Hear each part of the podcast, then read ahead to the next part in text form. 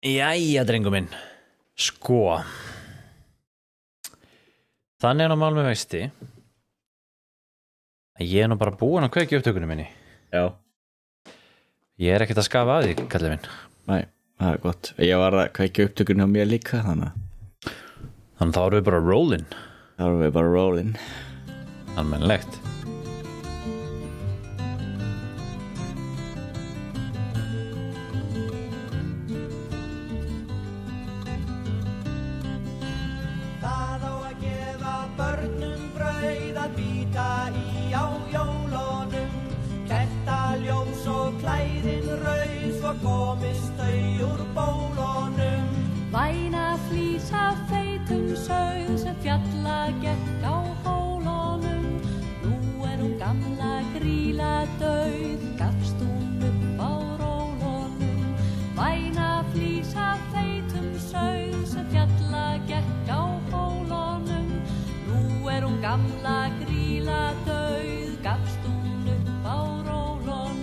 Heyrðu, ég var að segja við því hérna fyrir þáttinn áður en við kveiktum upptökunum hérna að þú veit með hennan ótrúlega vel skreitta bakgrunn.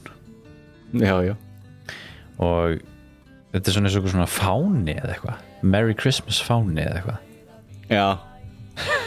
Það stendur þetta strengt hérna yfir. Síðan er hittu þetta jóladagatöl og já, ég veit ekki hvað og hvað. Þið eru mikið svona jóla jólaböld Já, ég og alveg erum mikið jólaböld þannig að við skreitum mjög mikið og við byrjum líka að snemma Býtu voru það ekki þeir sem að hérna gáðu kostuður í skóin og svo hittist á að þið gáðu sömu gjöfin í skóin í daginn. Ekki eitthvað, hvað það gekk til hann Jú, við höfum gert það.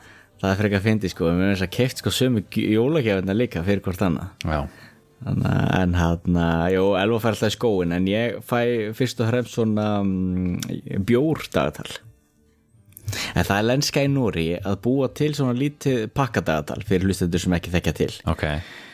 Og þá geta það getur verið allan, það getur verið eitthvað smánammi eða það getur verið hitt og þetta.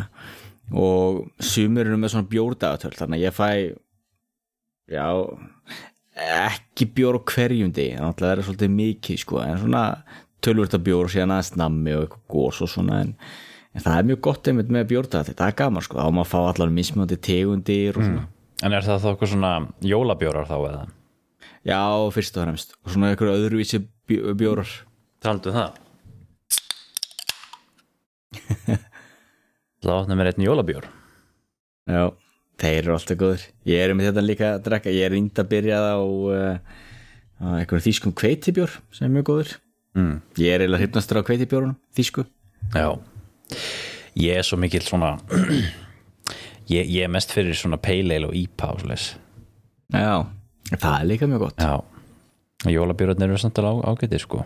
En ég er mjög hrifin af, af jó- jólabjórunum. Ég gaman að náttúrulega hvað eru bjarað miklu og Ég er náttúrulega líka mjög hrifin af stát Já. Þannig að ég drekk nú eiginlega Ég drekk nú eiginlega alla bjóra. Einu bjórun sem ég get ekki drukkið það er svona súrir bjórar. Með það hryllilega vant Já.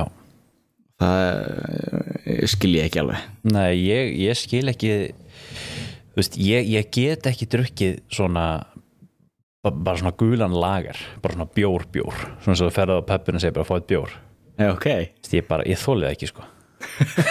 Já, ok, það finnst ég. En ekki það, veistu, þetta er náttúrulega fullt af bjónur sem er betri en það en mér finnst líka oft gott sko svona inn á milli að fá mig bara eitthvað svona einfaldan lager. Já. Já, já, þetta er þetta er svona.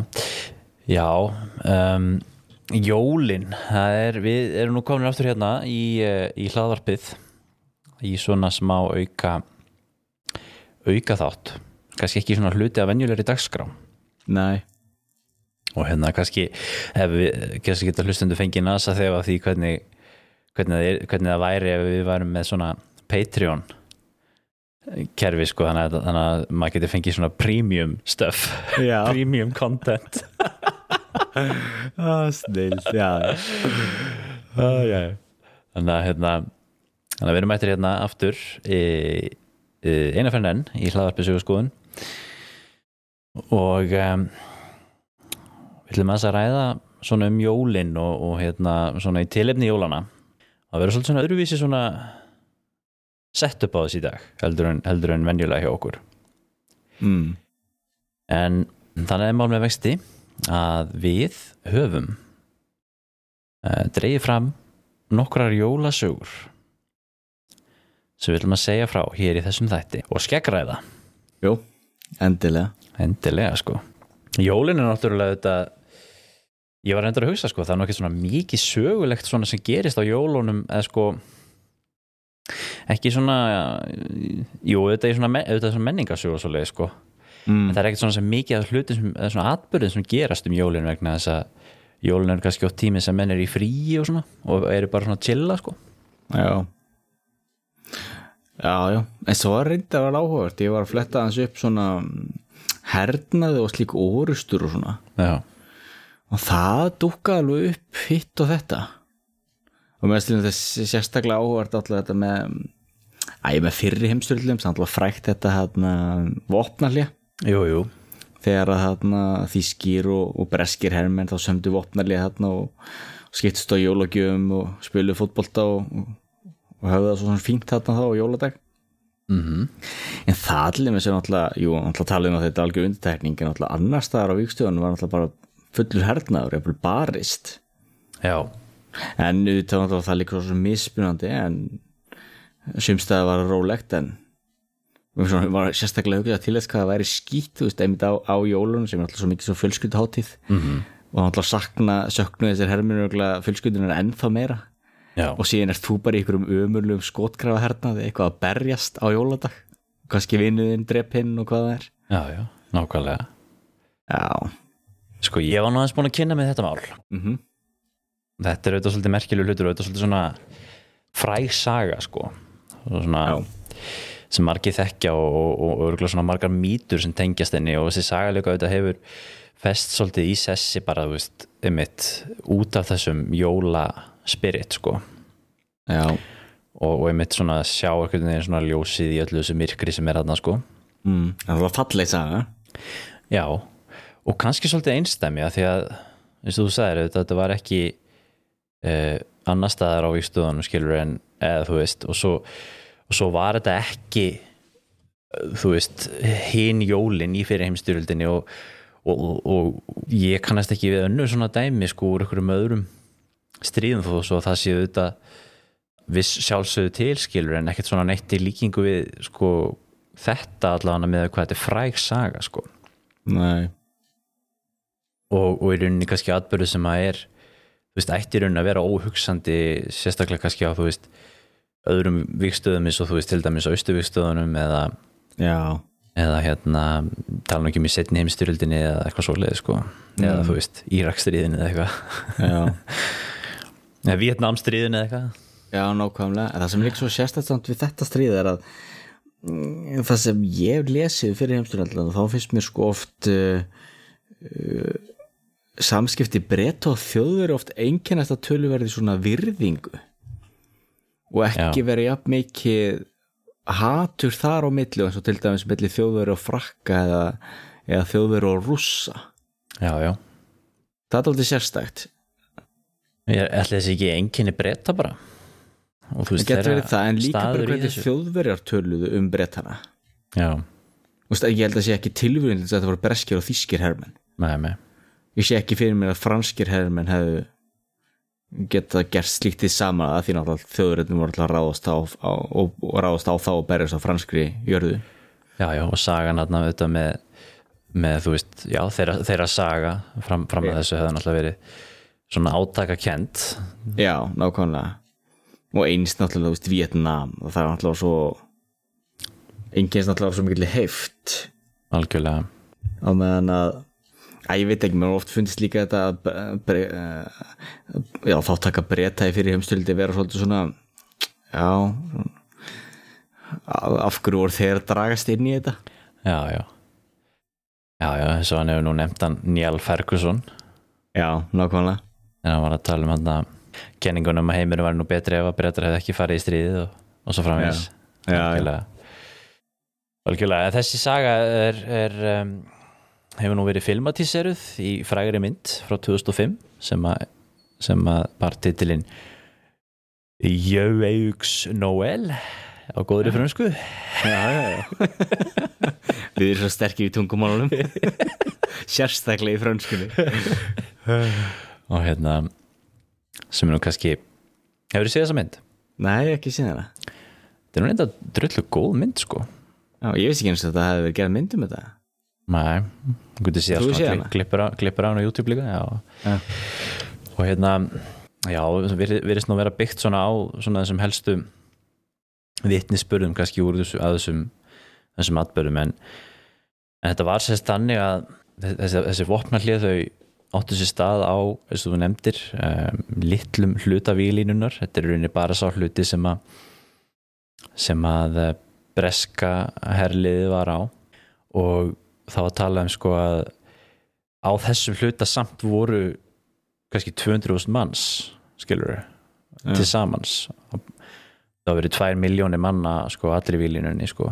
Og þetta var alltaf bara smá kannski hluti af því sem að var þú veist við veist, í, í, í víkstöðunum á, neð, veist, við, í skotgröfunum á þessum tíma skilur já, og við svo sem þú veist það sem er vitað um þetta er að það eru fyrst og fremst kannski uh, þetta eru til ykkur svona skjala heimildir um þetta þú veist sem hafa verið skrifaðar af þú veist þá uh, ykkur svona skýrslur og, og, og hérna ykkur brefaskipti innan hersins um þetta en svona helstu heimildirnar eru í rauninni bara sko minningar þeirra sem að upplifðu þetta og munlegar Já. heimildir og svo náttúrulega líka bref en þau eru þó í rauninni að mestu leiti ein, einskorðu við breskbref vegna þess að þessum tíma voru breytar ekki farnir að að ritskoða post sem var sendur frá vikstöðunum heim. Já, og meðan það var gert bæði hjá þjóðverjum og, og frökkum. Og það eru til alveg uh, skemmtilega lýsingar úr, úr einmitt svona breskum brefum og, og, og hérna og þetta voru náttúrulega líka írar þessi voru þarna og skotar Írarnir höfðu náttúrulega sérstaklega lítinn áhuga á að berjast þarna. Hefðu verið mjög feiknir að losna við það. Þeir náttúrulega hefðu nú engan áhuga á þessu breska heimsveldi. Og vildi gjarnan losna við það. Já, já. Algjörlega. Og hérna en eins og segir, fyrst og fremst brettar og þjóðverjar sem að fraterniseruðu þarna um, einhverjir frakkar líka. Um, ein saga segir að einhver franskur um, officer sem hafi kunnað að spila á hljóðfæri hafi, hafi hérna, og var með, var með hljómsveit þarna en hafi sem sagt, s- sett upp svona tónleika þar sem þeir voru að spila og svo köstuðu svona grjóti yfir í výlínuna til þjóðverina og með, með miðum það sem voru auglýst sko, tónleikarnir byrja klukkan þetta eitthvað svona. Já, og hérna en uh, fransk, frak, frak, frakkarnir er náttúrulega koma alveg fram í, í myndinni þarna, sant? já, en það svo mynda líka auðvitað svolítið svona þú veist, hún er náttúrulega á, veist, á hún, hún er alltaf á þremur tungumálum sko, veist, ensku, þýsku og frönsku. Og hérna og og, og auðvitað kemur þetta líka inn í þetta kannski þetta svona þessa evrópska minni þú veist, mm.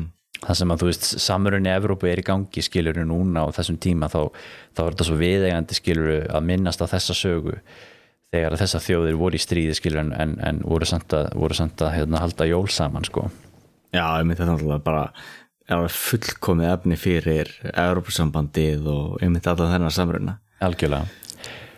Algjörlega. Þa, það var svo líka áhört ég að hef tekið í tóklega mannfræðikurs sem fjallaði um bara Európsambandið og þar var þá eh, námsefni var þá meðal annars bækur sko skrifaðar af mannfræðingur sem hafa verið inn í þessum stofnunum, Európsambandstofnunum Já, og verið að rannseka og það er mitt áhugað það sem megin nýðustöðan það náttúrulega er í raun og veru sko að hvað Európsambandið nota menningu rosalega mikið til þess að keira þennan samruna?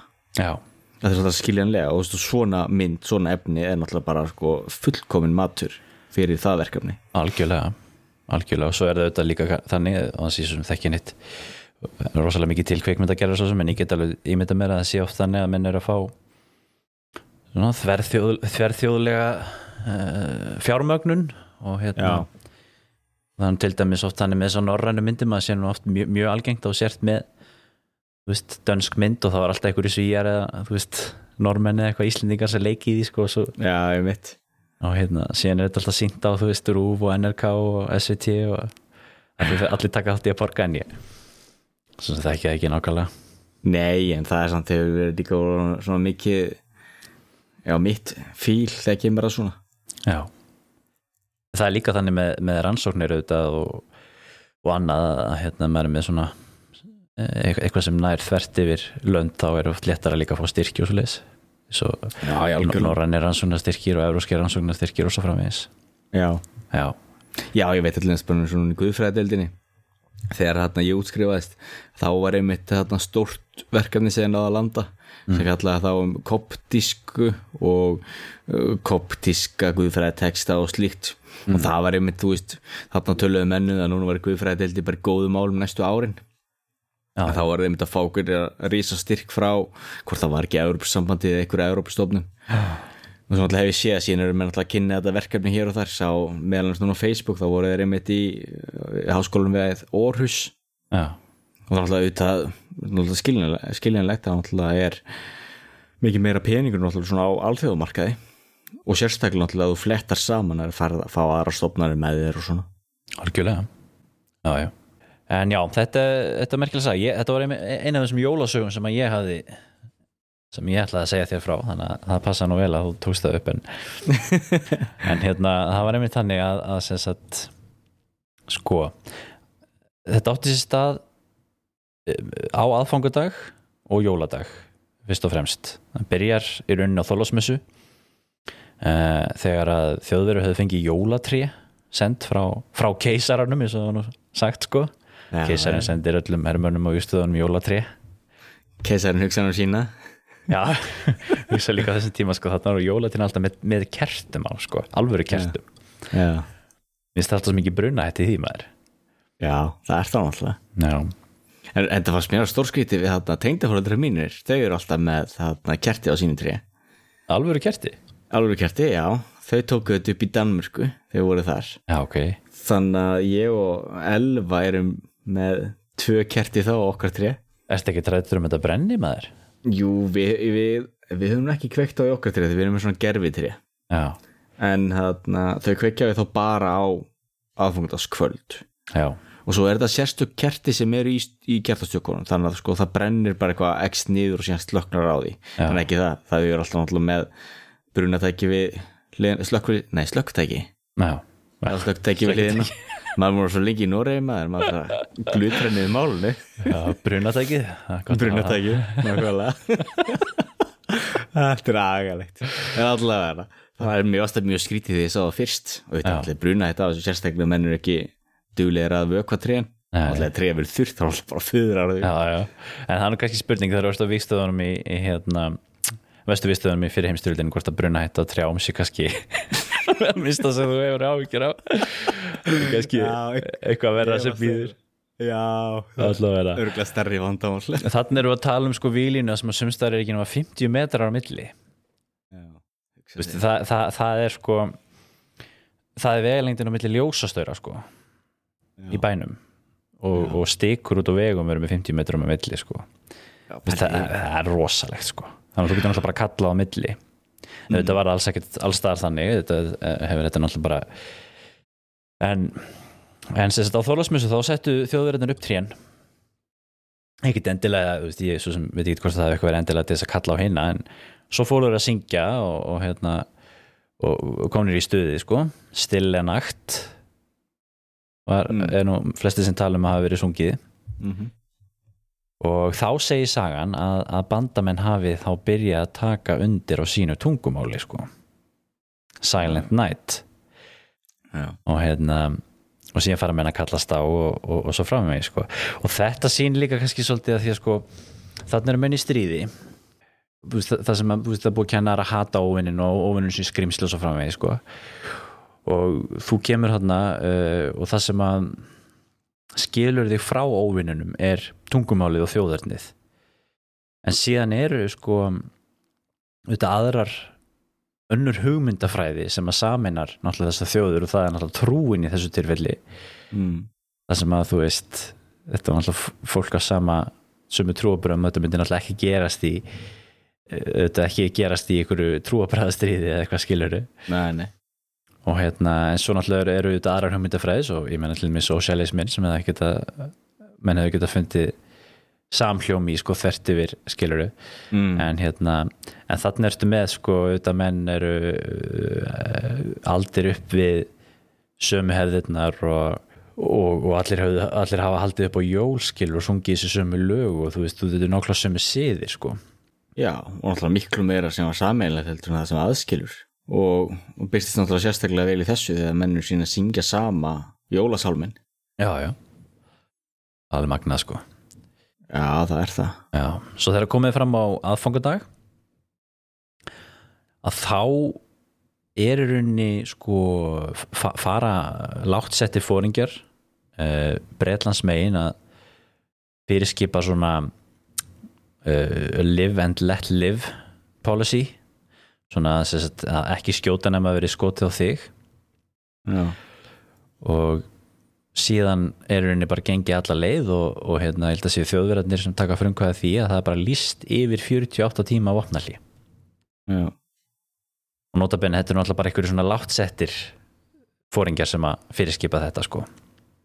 Já.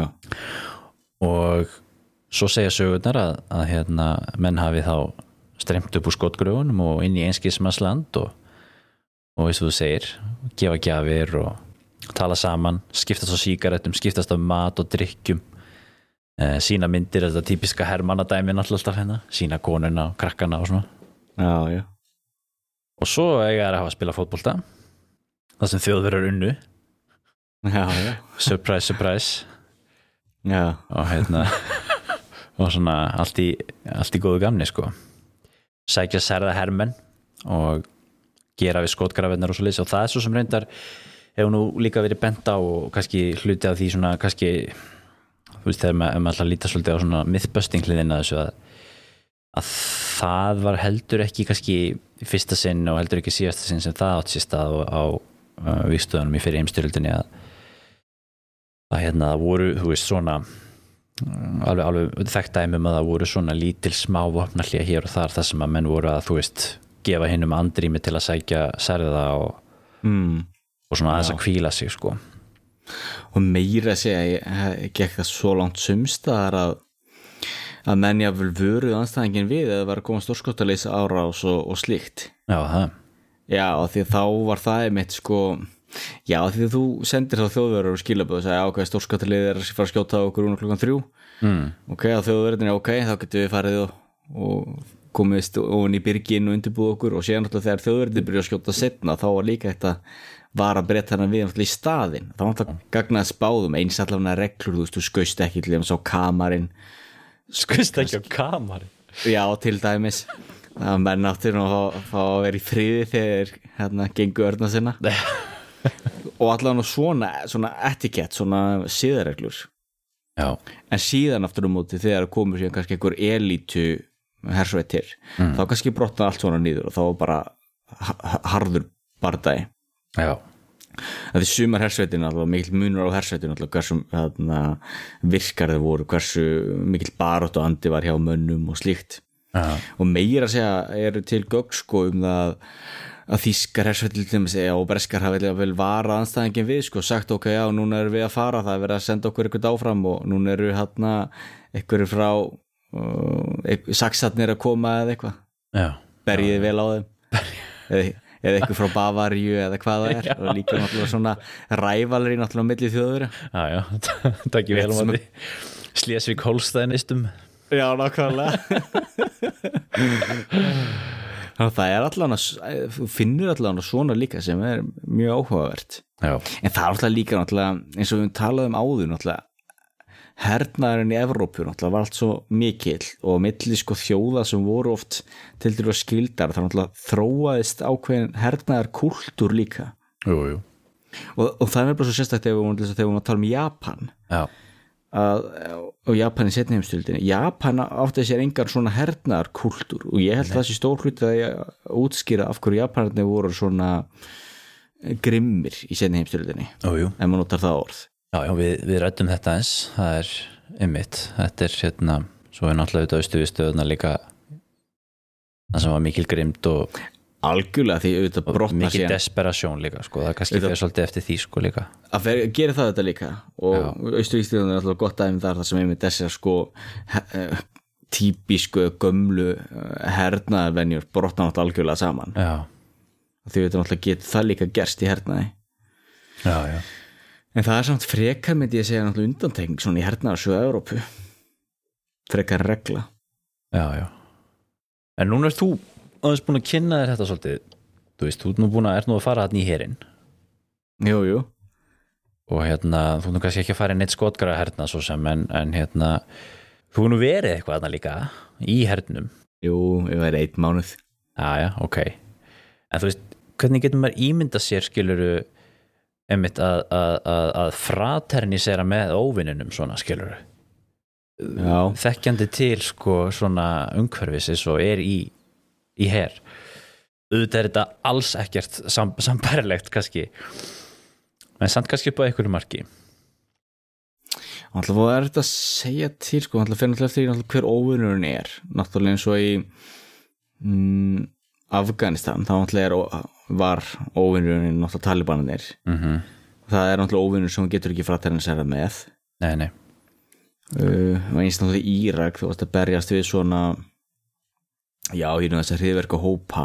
Já, já, og skilur náttúrulega svona mikil innrás og slíkt já, en síðan verist það samt oft verið þannig að þú ert með sko típiskan hernað og ef það er ekki sko of mikill munur og hugmyndafræðu og slíku að þá ég er þetta oft náttúrulega bara karlmenn sem eru í og svipum aðstæðum. Já. atvinni hermenn einhver hluta vegna. Þetta er svo svo ímsar ástæði fyrir því. Og sem hafa kannski eiginlega ekkert sko steik í bardaganum, þú veist, þetta er eiginlega bara þeirra starf. Já, já, og þá þú veist ef það er ekki hugmyndafræði sem kerir þig eða hvað það er þetta er bara vinnan þín þá er alltaf miklu léttara að horfa anstæðingin sem bara já já, Klaus frá Bavaríu eða hvað það er. Rétt eins og þú ert eh, já, John Smith frá einhverju ennsku þorpi.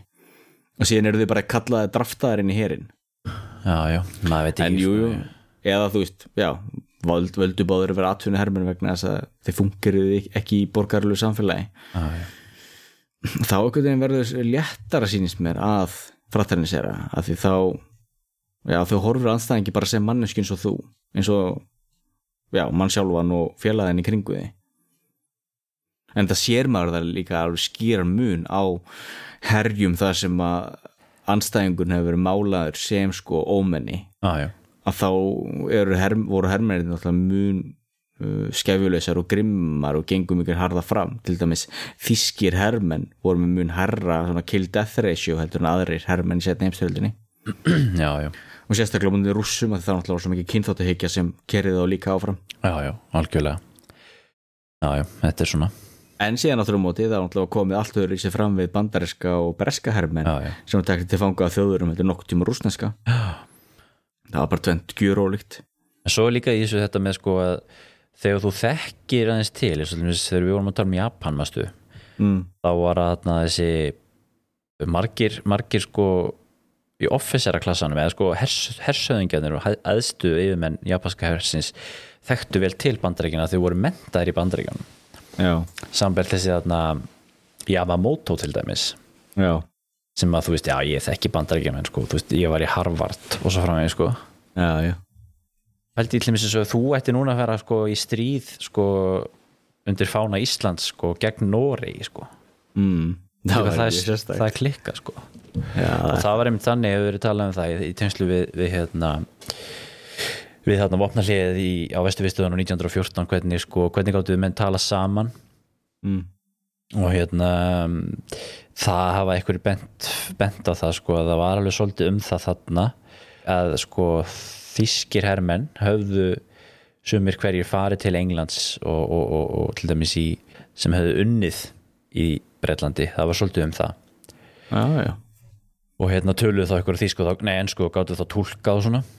Já. um, það hafi verið svolítið útbreytt allavega á þessum stað sko. Og þetta kannski fer þetta náttúrulega líka eftir sko hverjir eru hvar og hvenar skilur ef að þú ert með einhverja, herdelt skilur sem er með menn á okkurum ákveðnum aldrei frá okkurum ákveðnum stað þá kannski eru meiri líkur, á því að þeir hafi að þeir kunni ykkur ensku skilur og þá eru meiri líkur á því að þeir geti tekið þátt í ykkur svona til dæmis. Já. já, já, algjörlega. Já, en svo hefur reynda verið nefnt líka því þú segði sax, sax, saxverjar sko af því að það verist vera að sko þetta hafi sérstaklega einmitt saxneskir hermenn hafi verið sérstaklega framarlega á meðal þýskra hermanna sem að tóku þátt í þessu. Mm. Já. uh, og hafi gjarnan tekið frumkvæða samræðum og svo leiðis já, já, sko þar sem sax, saxneskar sveiti var meira um vopnalli af hverju veit ég ekki? Ég þekki ekki ástæðana fyrir því sko. Næ sko, ég veit að þýski herin var byggður upp eftir uh, hvað maður kalla eftir þá þorpum og já, menningarsvæðum eða hvað það var. Þannig að það náttúrulega ítti það undir sko mm, veist, það var hluta styrk þýska hersins. Já. þú varst með kannski hersveit sem var bara kölluð frá þessu þorpi eða þessu svæði í Þýskalandi. Þannig að þá töluðu þeir allir sömu málísku menn höfðu sama bakgrunn þú veist að það berjast kannski með strákon svo ólst upp með viniðinu félögum. Þá var miklu erfiðar að gera sliðhlaupi eða já, að gefast upp eða, og, og slíkt það náttúrulega mikið pressa að berjast með þeim sem þú þekkir. Jú, jú. Og síðan náttúrulega í Þýskalandi er náttúrulega svo, svo stórt að það náttúrulega hefur líka alltaf verið rígur innan Þýskalands. Það er náttúrulega með ég get alveg ímyndið mér kannski að saksarnir hafi kannski verið að rauna yfir prússana til dæmis. Já, já, og hvað þá náttúrulega norður og söðu Þýskaland norður Þýskaland náttúrulega mótmænendur og söðu Þýskaland hérna katholikar Bavaria til dæmis hefur oft verið mjög, mjög sérstök og stert einkenni. Og Bavaria er ennþá í dag svona, ekki þar en þú veist, ef þú ert frá Bavaríu þá er það alveg stert einkenni. Já, já, og eitthvað sem mun halda á lofti. Já, já. og ég get alveg trúið að eitthvað slíkt geti sko hafa ítt undir vegna þess að já, ef, ef saksarnir hafa kannski sé, litið sem svo á að prússarnir væru ráðandi afbrið í Þískalandi og það myndi svolítið halla á þá eða að prússarnir hefur fyrst og fremst verið að draga þjóður inn í þetta stríð. Já. ég get ímyndið mér að það veri eitthvað svona. Já, já, Ég náttúrulega er- þekki það ekki algjörlega en Nei, þetta er, þetta er alveg, alveg örglega ykkur sem að kann svara við þessu ykkur fræðmenn sem að stúdera. Þetta alveg í tællur sko. Að því auðvitað náttúrulega í- eins og í Breitlandi líka það er náttúrulega munur að hvort þú sért frá hana, Wales eða hvort þú sért frá Skotlandi eða hvort þú sért frá Norðimbralandi eða, Jú, jú, eða hvaða, hvaða þú ert í Englandi. Algjörlega. og eins í Fraklandi, Bretaníuskæði náttúrulega er með voðalega sterk svona sér einkenni. Já, og meðal annars, uh, það er svolítið útutjúr en uh, fasistaflokkurinn í, á Bretaníuskaga já, í setni heimstyrildinni þeir hafna völdum meira að segja Horst Wessel lít Já. sem sinn þjóðsöng og séum bara eigin texta við. Og það er svona ah, já þá ertu alveg virkilega að svíkja Fraklandi eða gefa náttúrulega- Fraklandi fingurinn. Við það sem ekki þekkja eh, frægt þýst svona nasista lag. Já, aðal söngur SS Já, já, já, SS, já. Já, Horst Wessel hann lést hann ekki hérna, þessari uppreist þeirra. Já, já, var ekki 20 og eitthvað sem síðan hitlega dæmdu fyrir og svona. Já, já, já. að þú Bjórkjallar uppreistinir hann Já, Já. já, þannig að en það er alltaf áhverð þannig að þú ert alltaf líka hefur alltaf, alltaf meir, líka meir svona rík náttúrulega innan þjóða.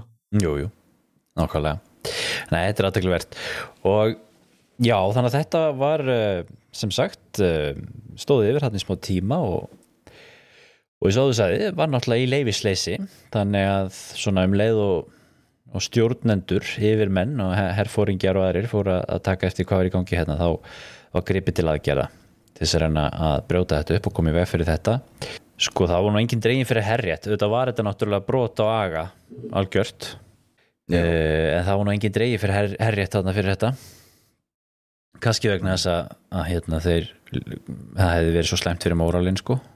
Já, kannski frekar að sópa bara yfir þetta og láta sögt af í gest sko.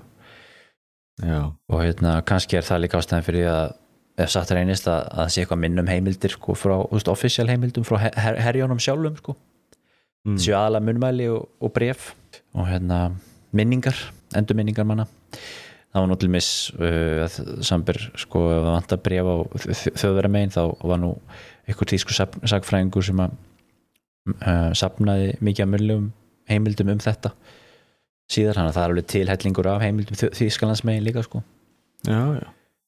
Og hérna en eins og segir ekki að mikið af frökkum.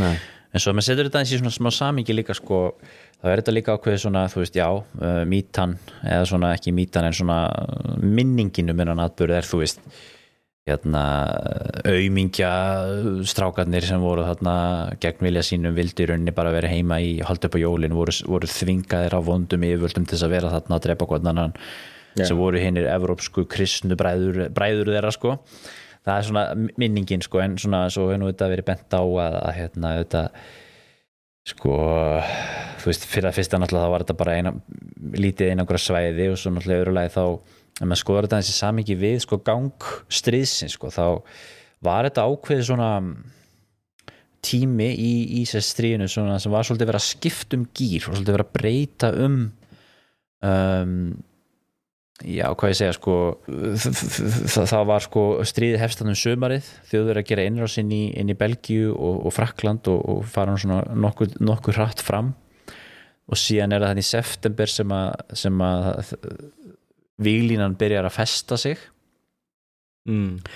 og þá hafa menn bent á það sko þegar komið fram á þennan tíma sko þegar þegar hérna, þú veist, leðjan er eh, sko, regningarnar eru búin að breyta öll í leði og sprengja þetta náttúrulega og leðjan er síðan búin að frjósa og, og hann í desember komið sko og það er svolítið svona að, að báðar hliðar að hugsa svona, ok, hvað gerum við nú? Veist, erum við að fara að hætta eða veist, erum við að fara að semja frið eða erum við að fara að halda áfram, er ykkur að fara að koma gagnsókn, skiluru, eða er ykkur annar að fara að gera breakthrough? Eða ekki, erum við, erum við bara að fara að vera föst í þessu bara sem eftir er, skiluru þannig að menn voru svolítið svona að átta sig. Og það hefur stundu verið nefnt að einmitt þetta jóli 1914 þá sko myndast ákveð svona hvernig var þetta orðað sko svona andrými sko.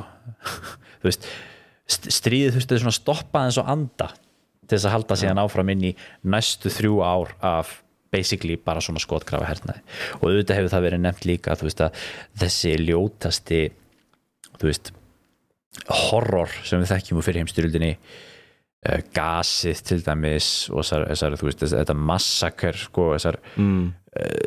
Hérna orustur þar sem menn voru bara stráfeldir bara eins og, eins og þú veist tindáttar sko.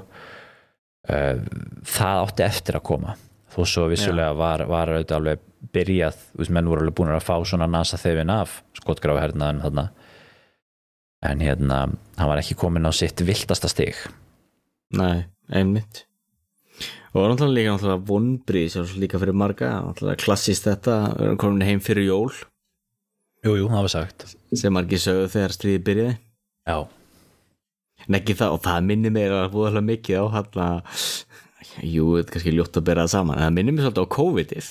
Já, já. það er búið að vera oft svo mikið sko, og ég man svo vel eftir fyrir árið síðan hérna í Nóri mórallin var svo mikið þannig sko, bara, ok, núna er 2021 að fara að byrja það er nýtt ár og það er bara allt öðru öðruvísi. Já, já, líka í Íslandi, sko. tíma. já, og svo er það svona svo kjært maður bara áfram og jú, og síðan var opnað í sumar og síðan núna er aftur bara. Já, já. Og líka, þú veist, það líka sem fyndi það því að núna er náttúrulega árið að reyna að sitt skeið, sko. Já, og menn eru svona að líta um öxl og, og hérna, mitt, sko, ég man alveg fyrir árið síðan hérna, gamla skóli 2020 þá var maður, sko, hugsa með sér ja, nú er þetta umulega ár búið og, og nú er, þú veist, að byrja nýtt ár sem að, sko, verður aftur, hérna, back to normal og, og hérna Uh, veist, var, var ekki mynd bara í desember þegar hérna, fyrsta sprauta, sp- fyrsti kassin með bólefni kom í Já. lögreglufylgd já, alveg rétt og hann byrjaði, að byrjaði að sprauta sko. Og maður alltaf held að þetta var bara búið sko. Já. þannig að já, við erum að fara inn í þriðja árið núna með, með COVID. Já, hugsa sér. Það verður kannski eins og fyrir heimstyrjöldin Það er fjögur ár. Já, ég var nefndi að hugsa það því að þú veist, ef maður prófur að setja sig í þessi spór bara hérna hugsa sér að fjögur ár í viðbót af þessu það er rosalegt mm. og ef þú lifir það af Mm. pældi hvað er litla líkur á því að þú munir lifa það af Mm. þessi, þessir hermenn þarna sem voru í þessu vopnæli hérna, hversu margir eru þeim? Jú, auðvitað margir lifið af, margir náttúrulega sögðu þessa sögu eftir á, vissulega Já, já, á síður já, já, Já, Þetta, er, þetta er magnað. Já, þetta er það. Herðu, voru við ekki með eitthvað fleira sem við ætlum að tala um í dag? Jú, sko. Ég hérna nefnilega rakst á fyrir algjöra tilviljun uh, stórmerkilt fyrirbreyði sem tilheyr þá félagssögu. Já, og hérna mm, og, og við töluðum um það hérna uh, já þegar við spjöldluðum núna um daginn við náttúrulega ættum að ge, gera kannski meira í að tala eitthvað um félagssögu og eitthvað annað, ekki bara stríðu pólitík. Já, já, svo byrjum við hérna bara strax bara Byrjum við strax að stríða. sko. Það er alltaf uppáhaldsumræðni, það er stríðu pólitík en við tökum, sjálf, við tökum gaggrinni og erum gaggrinni okkur líka. Já, já, en ekki það þannig að og þá ég var sent að lesa um mann sem hétt uh, Róland og var uppi þá í, í Englandi á hérna 12. öld. Já, og það, það tilvoða lítið um hann. Mm. og það til uh, því mið voða lítið af heimildum já um hann ákamlega en hann kemur fyrir og er þá þekktur í sögunni fyrir þetta. Því á sko hver jól þá átti hann að sinna ákveðnu verkefni fyrir konungin og á latínu þá stendur sko að hann átti sem sagt þá að uh, framkvæma eitt saltum sífletum et bumbulum. Og það var sem sagt þannig þá hann átti að hoppa flauta og reka síðan við ég elska að þú hefði sagt þetta fyrst og latinu bara svona eins og, ég og allir hinn er að skilja það. Nei, að hann er sko þekktur í heimildu bara sem Roland the Fata Roland Fretari ups, og þá tilheyri þetta sko þessu fyrirbreyði þá að vera svona kortjester bara svona hyrðfíbl já, og það sem, og, og, sko ástæðan fyrir því held ég aðal ástæðan fyrir okkur hann er til í heimildum er það að sko konungur var svo ánaður með að fara með stöðu hans já, og störf að hann fekk síðan sko uh, hann fekk uh, landaregn að launum. Nú. Sko hann fekk sko Hemmingstone Manor í Suffolk sem voru þá 12 hektarar eða 30 acres, ég veit nú ekki hvað það er mikið en hann var í þjónustu Henry Annars. Já, eða Hinriks Annars. Aha. Það er frekar fyndið, þú veist að já, að vera þekktir í mannkynsjöfunni fyrir þetta. Sko veistu þetta minnir mig á sko þarna gaurinn þarna sem að er kallar Mr. Methane. Yeah. sem að einhver ógæðslega astanlegu breyti sem að sem að er þeim hæfileikum getur að geta reiki við bara Já. svona algjörlega on demand. Já, og hann sérst er með eitthvað svona YouTube rás. Já, og það sem að hann er þú veist að spila eitthvað lög og eitthvað sko. Var frægur í hérna Britain's Got Talent held ég. Svona, já. Já, þetta er, þetta er mikið hlæfileiki auðvitað, geta gert þetta. En þá sko Nei, að því mér finnst að þetta líka var svo áhört sko sem hluti af líka uh, afþreyingarsögu.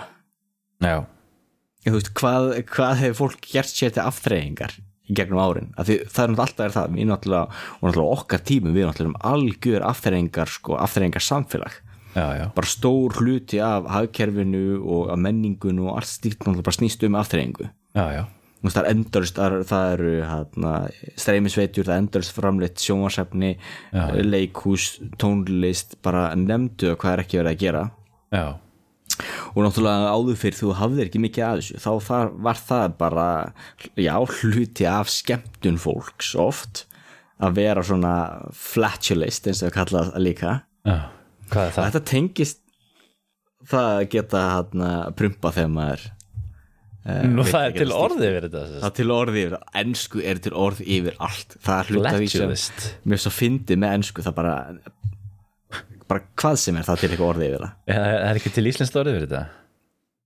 Ég veit það ekki. Það hlýtur nú að vera til eitthvað eða maður getur bara búið til eitthvað orð. Já, ég en þetta meira segja hérna þegar við tölum um Ágústín fyrir ekkert lungu síðan, hann meira að tala um þetta. Já, talar um, um svona hérna, mm, já, skemmtana lið sem hefur aðra einn stjórn á þörfum sínum. Á þörfum sín Já. Sko, þetta minnir mig líka á sögunum hérna, sko, sem ég var nú að lesa fyrir dóttu mína. Um, um Guffa sem að sem að, hérna, og prinsessan sem gati ekki hleið af því að hún gati ekki hleið og hún var alltaf að reyna neða var alltaf að reyna skemmtinni svo hlónadrif svo var hann svo asnarlegur og loksins fór hún að hlæja og þá, enda, þá var honum búðin sko að búa í höllinni sko. Og, Ja. og ég var nú alltaf að hugsa á hvað þetta er stúpid sko. Fyndi, eða ekki, ekki, ekki alltaf batnaði til auðvitað eða svona saga bara upp á fönnið sko. En, en svo nefnir þú þetta að þarna ertu með alvöru sögu það sem að, emitt, heyrið fíbl þykir svo fyndin mm. að hann fær landaregn að gjöf. Já og, þú veist, hugsaði þú veist, þetta er þá maður sem gætt sko framfleitt fjölskyldu sinni já, með já, þessum hæfileikum sínum. Já. Þetta er verið flottnar að vera hérna konungur Englands með hérna ykkur og svona með hýrðina hérna sitjandi við langborðið og svo koma hérna, kemur hérna franski sendiherran og fulltrúi spænsku krúnunar og fulltrúi páans og kirkjunar hérna líka. Og svo hérna, já, nú ætlum við að fá smá skemmti atriði hérna kemur hann. Já. og meira sér það það mikið til um þetta þú finnur það líki heimildum sko þar sem ég veit að þjóst þetta kirkjur að kirkjur er menn voru að gaggrína svona. Já, þótti þetta sko á frekar lágu plani. Já, og, hérna, og líka náttúrulega tengstu við jólin og svona en, en líka sko hvernig var það, ég var nú að lesa hvort það hafi ekki verið á svipum tíma á 12 öld, eða jafnvel fyrr já, að þá einmitt vinnufólki hafi sko verið veitt frí þá í ykkur á x marga daga frá jóladag. Já. og Varstu að tala um í- á hefur- Englandi þá við á Englandi, já. Að tengist því- þessi, þessi þetta hirfíbl jólunum eitthvað? Já, hann átti, að, hann átti að gera þetta á jólunum. Já, já, já, já, það stendur sko, það var hluti af hans starfi alltaf á jóladag. Já. Þá átti hann sér að þá að uh, hvað var það, hoppa, flauta og prumpa. Eitt hopp, eitt flaut og eitt prump fyrir kongin, stendur í textum. Á og jóladag það er á jóladag. Og það er þá skrifa, skrifa niður í samningi. Þú veist, það er hans skilda og þessi heimild er til. Þetta er til, já. Þetta er í, eh, hvað heitir þetta? Liber Feodorum, Book of Fees. já, já, Þetta er örgleikur hérna svona listi yfir landaregnum og slikt. já, Já, hún er frá 1302. já, ok En sko bókin sé náttúrulega byggðu eldri heimildum líka og svona. en þarna þessum tíma, þarna eru menn auðvitað, þetta er þarna um, um há þarna er auðvitað kirkjan uh, á sínum hátindi Mm.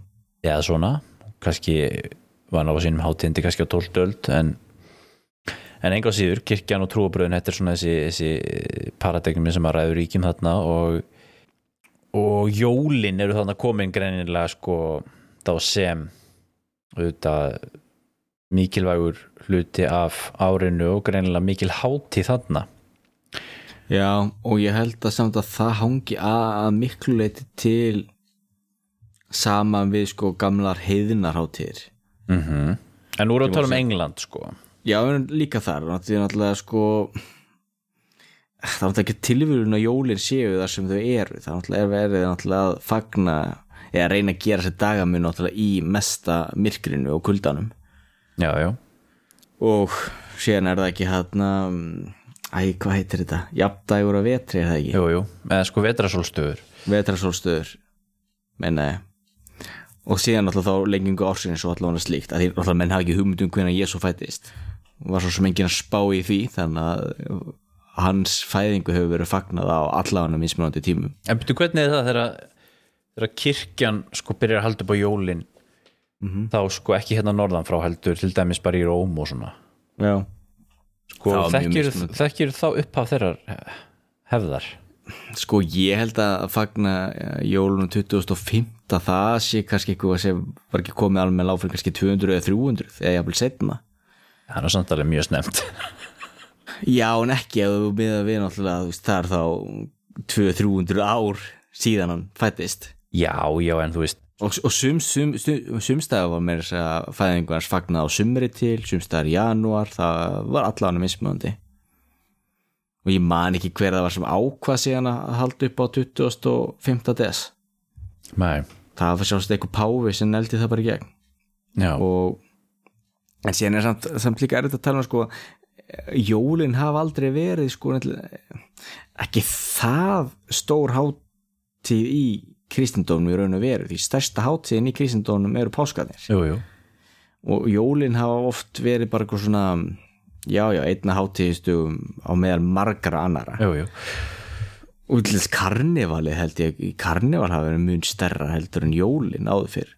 Og náttúrulega jólin er svo viðþekkjum þeir eru kannski nema svona 200 ára fyrirbriði já, já þetta er merkilegt sko því að hérna uh, þeir, sem, þeir sem hafa verið sko, er, er það ekki þannig að, að, að þú veist einmitt í kathólskum löndum og svona þar er uh, þar eru páskarnir miklu stærri hátíð sko og jólin bara bara svona dag, dagur sem að þú kannski borðar eitthvað svona aðeins betri mat heldur en aðra daga kannski. Já, áður fyrir var náttúrulega sérstaklega þannig og en síðan náttúrulega líka svona hátíð er náttúrulega oft svo mikið að breytast já, og kristan hátíð líka til dæmis það var áhugavert að maður hefur oft þessa ímynd til dæmis af kaðálsku kirkjunni miðaldakirkjunni mm. sem kannski einhverjur voðalega svona eh, hvað maður að kalla kannski barbarískri stofnun ef við myndum nota þó orð Mm. En það sem ég fyndi að þú lest í heimildum að þá var katholska kirkjar á miðöldum mjög umburðurlind gagvart hín og þessu. Til dæmi sko páskahlátur var alveg þekkt fyrirbrið. Þar sem að prestur nátti sko að fara upp í breytingunastól og segja skemmtilega frá og koma fólki til þess að hlæja. já, já, Og allavega svona fagna, fagna hín og þessu hátir og borða með góða mat og hitt og þetta og, og raun og veru kemur sko ekki þessi svona harka og meinleitarleifnar og, og slíkt kemur ekki fyrir með lúterskunni setna mér sko og síðan þá síðan skipti hjá katholikum líka já, já. að því nútíma katholska kirkjan er náttúrulega heldur alls ekki saman fyrirbrið og, og meðaldakirkjan nei, nei. Og bera saman nafn og allt slíkt. En það er líka mikil umræða. Sumir, sumir eru náttúrulega eru mjög reyðir ja, að heyra mig segja það en, en horfir á það náttúrulega. Breytist katholska kirkjan náttúrulega líka það mikið þarna upp úr síðaskiptum? Er það eitthvað debatt það er stórt deb debatt, já. Já og í þessu síðaskipta fræðum Og er þá sumi sem vilja meina þá að Katholska kirkjan hafi ekki breyst og aðri vilja meina hún hafi breyst. Já, og sumir tala um að það er bara verið bylting rétt eins og lúterskan. Já, já, en já, síðan náttúrulega að því síðan líka áhugað eins og þetta hjá okkur að við fögnum sko aðfungardagskvöldi já, já, þú veist aðfungadagur er stóri jóladagur hjá okkur. Algjörlega. En það er til dæmis afturhorf til hérna gýðingana og hérna hebraskunar Ok, því að dagurinn hjá gýðingum byrjaði að kvöldi. Já, og þess vegna byrjar þá jóladagur kvöld að, aðfungadags já, já, já, á maður að alltaf bara í nútímanum út af já alltaf þægilegast að láta daginn byrja á miðnætti. Já, já. En það er alltaf ekki að segja til um að dagurinn þurfa að byrja þá. Dagurinn gæti þess að byrja klukka 5 á mótni til eða Ég sko, mér finnst alltaf ég, ég, ég hef stundu verið að hugsa sko, akkur, akkur byrjar ekki dagurinn klukkan 6 um morgunin þegar sko, mm, sko þegar við sólar upprás já til dæmis. Að það sé þá líka sko veist að það væri þá í rauninni sko þá er klukkan sko 0 já, þannig að þú veist þegar þú ert að vakna hérna vekjara klukkan þín ringi klukkan 7.00 mm svo færi vinnuna við sólar upprás mm, uh, þá er þá sko í rauninni að vera sko ef það myndi snúða sig við þá væri klukkan í rauninni bara 1 sko, 1.00 Já, sem er miklu lægri tala. Mm, það myndi meika miklu meira sens að dagur myndi byrja á legstu tölunni og síðan eftir þú svo, svo fer lengur út í daginn því, því herri tala er það sko já, ég, já, já, ég sé alveg logikinu baka það. Þessu voru einhverju, stjörnufræðingar eða einhverju snillingar sem að náttúrulega geta örglega sagt að þetta sé einhver algjörþvæla sko í mér. Já. En ekki það og síðan náttúrulega getur við talað við hérna músliman og gýðingarna sem segja þá að nei, dagur byrjar að kvöldi til. Já, já, já, og þess vegna til dæmis í, í, þegar Ramadan þá borða er á jú á kvöldin og þeir fagna sínum hátíðum á kvöldin, muslimannir já, og þá er byrja dagurinn. Já. þannig að það er allir með áhverð það er allir voðalega, ég held sér enginn svo sem á Íslandi sem gerir sér grein fyrir því að við fögnum aðfungardegi vegna þess að einhverju kirkjurna menn voru svo uppteknir að því að vilja fara aftur til rótanna og taka upp sko geðinglegar hefðir. Nei, en þetta er náttúrulega líka kannski svona með svona, þú veist þessi jólin og svona, þú veist, auðvitað er þetta sko, hefur þetta svona kristnar rætur og, og, og, og, og, og skýrskotanur og svo leis en þegar allt kemur til alls þá er þetta í rauninni náttúrulega bara þjóðfræði sko, fattar og og kr- kristnin þá í rauninni og hugmyndirnar sem eru skilur, þær, þær eru þá bara hluti af því, fattar Já, já, því séu náttúrulega líka þannig við oft gaman æ, maður, eh, menn eru ofta að reyna að skilja allir með að sko trúabröð og menningu og eitthvað slíkt ég er þeirra skoðun að það er allir eitthvað sem getur raun og verið ekki gert það er það mikið grípur inn í hvert annað og er fléttað saman Já, en svo er það líka kannski þannig að þú veist á 13. öld ákveður ykkur sko nú höldum við alltaf upp á daginn sem að ykkur ykkur hérna ykkur, ykkur dýrlingu var hálsökun eða eitthvað mm. og kvöldu það hálsadag eða eitthvað og svo þú veist 500 ánum setna þá haldi allir upp á hálsadag en það er samt það bara dagun sem þú skiluru í sleikjó. eða eitthvað Já, skiluru þannig að þú veist þetta kannski byrjar í ykkur svona trúalegu svo verður það bara að ykkur menningalegu sko. Já, og svo náttúrulega menningi þó síðan hefur líka menningi þá aftur tilbaka áhrif á trúna. Jú, jú. Eins og bara það er mjög áhverðlum í kirkjunni að, að stærsti kirkjudagurinn í dag er aðfungardagskvöld sem eru ekki stærsta hátíð kirkjunar nefnilega. Og, en það er þannig hjá ykkur í kirkjunni í dag bara að, Já, að við erum bara miklu meiri púður í jólin heldur en í já, vegna þess að þú veist, það er þar sem fólkið er eiginlega mest sko, hefur mestan áhuga og allir í Nóri eru, eru páskarnir náttúrulega fyrst og fremst frí til þess að fara í hittutnar og vera á, í, á skýðum já, já. og kirkjunir er eiginlega tómar á um páskana á meðan að eh, eða sko, kirkjunir í bæjónum eru tómar á páskum en kirkjunir náttúrulega út á landi þar sem allar hittunar eru, þær eru oft fullar já, já. en til dæmis á aðfungadegi þá er aftur um allt stútfullt hér en er það ekki samt líka já nei, nei, eh, sko, ef, ef fyrir maður að þessu af hverju eh, það er haldið svona mikið upp á þetta hér en kannski minna í öðrum löndum, sko, getur ekki líka verið að það, þú tengir það kannski við með vetrasólstöðunar að þú veist, okkur finnst mikilvægara að halda upp á ljósaháttíð í desember heldur en að halda upp á einhverja svona skíðaháttíð í apríl, sko jú, jú. en hérna en þetta kannski reynda tengist alveg inn í sko hitt málefni sem að mér langar að ræða við þig sem að, sem að þú snertir hérna með á sem er einmitt jól í heiðnum sið. Já, og hérna þetta er auðvitað svolítið merkilegt sko. Og hérna og, og, og, og, minnst við líka sko ég var alveg að hugsa um þetta sko þetta með sko og kannski skemmtilegt að ræða þetta við þig auðvitað verandi prestur og svona sko.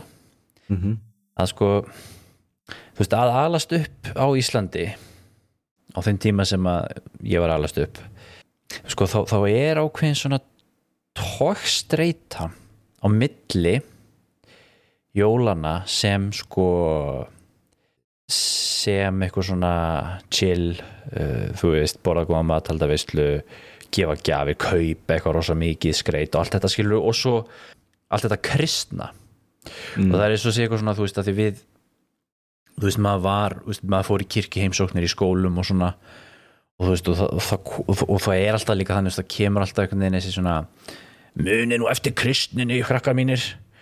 Og þú veist einn og einn svona skilur ég, ég, veit- mér finnst þetta kannski vera að minna um þetta núna sko. Já, en þú veist það er einhvern veginn svona þú veist eitthvað svona, æ, mér langar eiginlega bara til þess að borða hambúrgar og gefa gjafir. En svona skildan segir að þú veist þú átt að líta á þetta sem einhverja svona kristna hátti líka þó þú svona eiginlega hafur ekki áhuga á því já. En ekki það, það er ju alveg ennþá það er aldrei svona, við tölum um þetta bara um, bara um daginn og prestafundi. Já, það voru nokkri prestar sem voru um þetta kvart undan þessu sko, hvað hvað jólin, þetta klassiska jólin var í orðinu svo rosalega veralleg og það var svo mikil áhersla bara að kaupa og slíkt og og hann uppteknir af til dæmis þessi æ, sem ég finnst vera svona óþarfi titlingaskítur eins og með hann með jötuna til dæmis. Já. það er eitt sem hún voðalega upptekinn af því sko að Jésu barnið mætti alls ekki vera í jötunni því, því Jésu náttúrulega væri ekki komin, væri ekki fættur fyrir en á jóladag. Þannig að þú ættir að hafa jötuna auða til þess að Já, sína fram á hinn og þessi tákn og svona Já, maður er alveg séð þetta í svona ég hef alveg komið nú heimilað sem hefur verið, hefur verið svona jólaskraut með jötu og svona og svo setja menn badnið í algjörlega og ef upp jóladag, slíkar sko. hefðir bara endilega að gera það. Já, en mér finnst það bara að vera svo þreytt sko að hlusta á endalist þessa gaggrinni því það þarf ekkert að vera sko bara annað hvort. Með mig getur náttúrulega verið blanda af bæði. Já, já, og svo náttúrulega er það líka þannig að mm, næ, hvað við segja? Jú, náttúrulega bæði jú, í hver skeitt sem fólk til dæmis gefur gjöf og þá er það að yfka til dæmis gris, kristna gjafahut hvort sem er líka betur eða verð já, en það er kannski ekki að því sko meðvitað. Nei, en, en skiptir það eitthvað þú máli? getur alveg sagt, meðvað- þú getur alveg sagt það líka sko, þú veist, hérna að þú, hvers skipti sem þú gefur, hvers skipti sem þú rakar þig þá ertu að yfka hérna einhvern heiðin sið sem að þú veist, freyr rakaði sig alltaf eða eitthvað skilur Nei, það munur á því þegar það kemur beint frá einhverju Þú veist, fyrir kristnina það hefur aldrei getað gefið gjöf eins og við gefum gjafir í dag. Þú, þú gefur gjafir í dag út af kristninni. Já, Þú veist, rétt eins og bara heilmikið sem sem við gerum. Mannréttindi til dæmis er, er kristi hugtak. Það er bara búið að fjarlæga guð úr því. Þetta er náttúrulega mjög kontroversielt sko. Já, þú fyrir mannréttindi hvað er ekki annar staðar. Þetta eru bara hluti sem á kristaltæru fyrir en menn kafa í það en síðan náttúrulega þetta er eins og með orðið kapitalismi sem við notum alltaf. Jú, það ger sér engin grein fyrir því að þetta orðið náttúrulega kemur frá Marx, það var Karl Marx sem bjóð til þetta já. þetta er eitt af hans sko- framlögum til hugmyndasögunar en engu að síðu hvers sem við notum hugtaki þá erum við náttúrulega að þá í hans hefð Anda, og það sýnir þá, veist, hans áhrif. Já, en þú veist, ég, ég held að það sem þú ert að reyna að segja er að veist, þegar að hugtaki mannréttindi kemur fram í Evrópu sem afleðing af uh, frjálslindinu skilur frjálslindi stefnunni og okkur svo leiðis og afleðinga það sem þú ert að reyna að segja að þetta sé að þetta komi úr kristinni hugmyndafræði Mhm. og hérna og ég, þú veist, jú, það er alveg, alveg ákveðin kenning, sko, en ég held að ég held að það sé alls ekkert allir sem myndu taka undir það, sko. Af því að, einmitt, að vegna þess að, sko, ef þú, nei, vegna þess vegna þess að ef þú skoðar kristnu kristna bókstafinn, skilur, þá er hann kannski ekkit jafn liberal og þessir liberalistar á átjöndu öld skilur og tala nú ekki um liberalista í dag. Nei, en það sem ég er að tala um er grunnurinn er að þú svo hugmynd að manneskjan sé sköpuð í ímynd Guðs með ákveðið í, með ákveðin grunngildi að menn, manneskjan hafi ákveðið gildi í sjálfu sér í krafti þess að vera sköpuð af Guði. Það er náttúrulega það sem er uppbreyttan að mannréttindahugtekinu Þú veist, hvaðan annars staðar kemur þessi hugmynd að allir hafi eitthvað sko íbúinu verdi hér eitthvað neginn sko. En byrju, er ekki, sko, ég hef nú frekar skilja þetta þannig, sko, mannréttinda hugtaki kemur fram sem, sko, nú erum við að leysa okkur burt frá þessum viðjum að hugsa, hugsa alltaf um mannin sem eitthvað peð í, sko, sköpunarverki Guðs sem er bara hérna þræla skilur við frá mótni til kvölds og frá vöggu til grafar þangur til hann kemst til paradísar í staði fyrir að hugsa, sko, fókusum á lífið hér í lifanda lífi og að það sé gott skilur og allir menn séu fættir uh, jafnir og eiga að lifa góðu lífi hérna. Já, um, margir náttúrulega kristin hafa líka verið berast fyrir því til dæmis að öll hreyfingin breska strælahaldi það var, þetta var allt kristna hreyfingar og fyrst og fremst kristnir prestar og bartumenn sem hérna börðu skegg þrælahaldi á grundvelli þess að allar mannesku varu skapaðar af guði jafnar og hefðu ákveðið íbúðandi uh, já, verðleika og gildi en sem ef þú slíkar. spólar kannski, þú veist, hundra ára aftur í tíman þá voru þetta kristin menn sem voru að segja skilur við verðum að setja þetta fólk í þrældum af því þetta eru heiðingjar og þú veist, þetta eru Já, fólk sem já, Guði þetta hatar er náttúrulega menn uh, skömm hams og allt þannig. Já, já. mann ætla að gera það líka vegna þess að þetta hlutin er aldrei svo einfaldir Já, ég, ég held samt að sko Þetta er nú annar mál, en, en, en ég ætlaði að mynda að ræða þessum heiðnina. Já, ég endilega skoða það. Það er sko einmitt mjög aðteglvært vegna þess að einmitt út af þessu með hérna, þú veist, þegar við erum að tala um þú veist, er kristin, nei, er, er jólin þú veist, kristin hátíð eða er það eitthvað annað skiluru og þú veist, svona og, og þetta hefur auðvitað eh, oft verið svona slengt fram í svona umræðu sko í kommentarkjörfum og svona þegar menn alltaf vera sniðugir og koma höggja á trúna og kristina og kirkjuna og svona þú veist, mm. og hvað Jól er hún upp, uppálega norrætt síður sko. Þetta hérna? Classic. Kirkjan stál nú jólunum frá heiðnum önnum sko. Stela jólunum, já, já. Og hérna þegar kirkjan stál jólunum. Jólamyndin í ár. En þarna en auðvitað er alveg mislegt til í þessu og, og hérna og, og, og við vitum svolítið um þetta en á hinbóin og vitum við rosalega lítið um þetta. Mm. Og kannski eins og með allt í, eh, í þessu, þessu norræna forsögulega samfélagi, þessu heiðina samfélagi vitum við eftir því sem ég best veit mjög lítið um allt það. Já, það er rétt þér, því miður. Og, og, hérna, og eins og bara eins og þessi norræni heiðinni sagnarfur eða þú veist eins og, eins og þetta er nú skemmtilegt og ótrúlega frjóar og áhugaverða sögur. Já, þá er svo mikið synd hvað er lítið til um það sko. Já Og til dæmi, sko, ég hef náttúrulega brennandi áhuga á þessu, á þessu norræna og Já. ég hef eitt aðeins púður í þetta. Já, En það allir var mjög áhugavert þegar ég áttaði maður náttúrulega þegar ég var búin að læra með sagfræðin og svona og þá náttúrulega fær maður aðra sín og heimildir og slíkt. Jú, og þegar ég áttaði með allir með sá því að allar heimildir um norræna trú, skrifaðar heimildir þar að segja já, eru skrifaðar af kristnum mönnum. Já, já. þannig að bara þar ertu strax komin bara með risastort vandamál Þú veist hvað vissi Snorri Sturluson um heiðni í raun og veru þegar hann er að skrifa sitt já, já. og, og þess vegna færðu síðan svona stór vandamál eins og það þegar óðinn til þess talar um það að hann hafi hann, hengt sér á trénu og hangið á trénu í x marga daga mm. þá eru menni myndi velta sér fyrir, hafa menni velti fyrir ok, er þetta sko kristin áhrif er þetta áhrif frá Jésu og krossfestingun og slíku mm. Eins baldur, þú veist, er baldur einhvers konar kristin eh, Já. fígura já, já. og Já, já. voðalega erfitt að segja til um Já, já, auðvitað. En hvernig er með þessu allir bara svona aðeins oft, eða svona uh, tengt þessu sko, hérna með þessu þú veist þessu, þessi ásatrú og svona, ég menna er ekki alveg haldið fram að það hafi verið trúabröðin í sko Germaníu eða þú veist það sem við köllum það sem Þískaland er í dag? Jú. Mjög en hafa svipið, menn ástæði til að ætla að það hafi verið eitthvað öðruvísi heldur en hérna En sér alltaf spurningin sko Ég myndi ímynda mér að það hefur verið rosalega fjölbreytilegt. Af því því alltaf þú ert ekki með sko texta sem þú ert að lesa.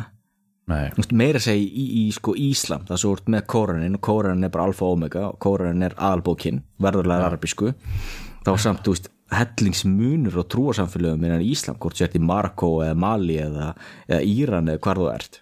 Já, já, en þú ert þetta ímyndaðir þú ert með sko eitthvað sko menningarsamfélag, trúarsamfélag vísmunandi sko dreifstýrð samfélag þá hljóta að hafa rosalega mikill munur á hvernig menn yfguðu trúna já, já, og svo held ég að fléttist líka inn í þetta allavega svona trú á vættir og mögulega forfeður og slíkt já. En allavega þegar kemur í jólunum Mhm.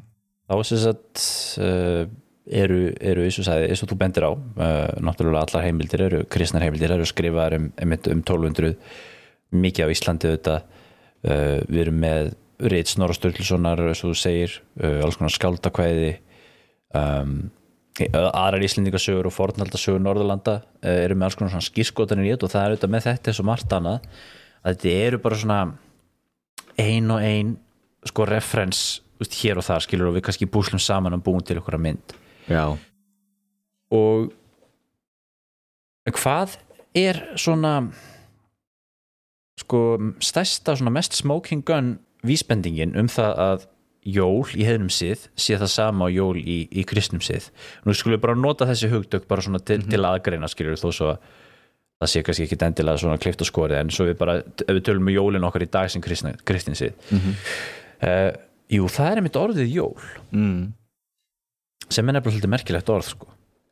Mm, að því að sko þetta orð er náttúrulega í öllum norrænum tungumálum. Uh, þú ert með þetta í ensku líka júle. Mhm. Uh, nei hérna jú, Jú, jú, júle.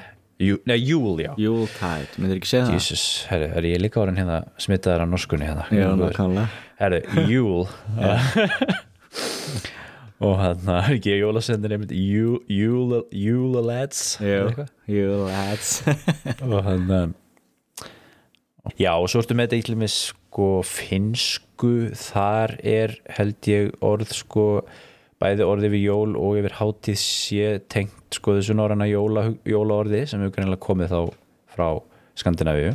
Já, uh, þetta er ekki til í nútíma þýsku það er alltaf vænagt mm. uh, en þú ert hins vegar með útdött tungumál sem er hérna gottneska já, þar var, þar vitum við svolítið um, um hérna nótkunna þessu orði og þar er orðið hérna jú, júleis mm.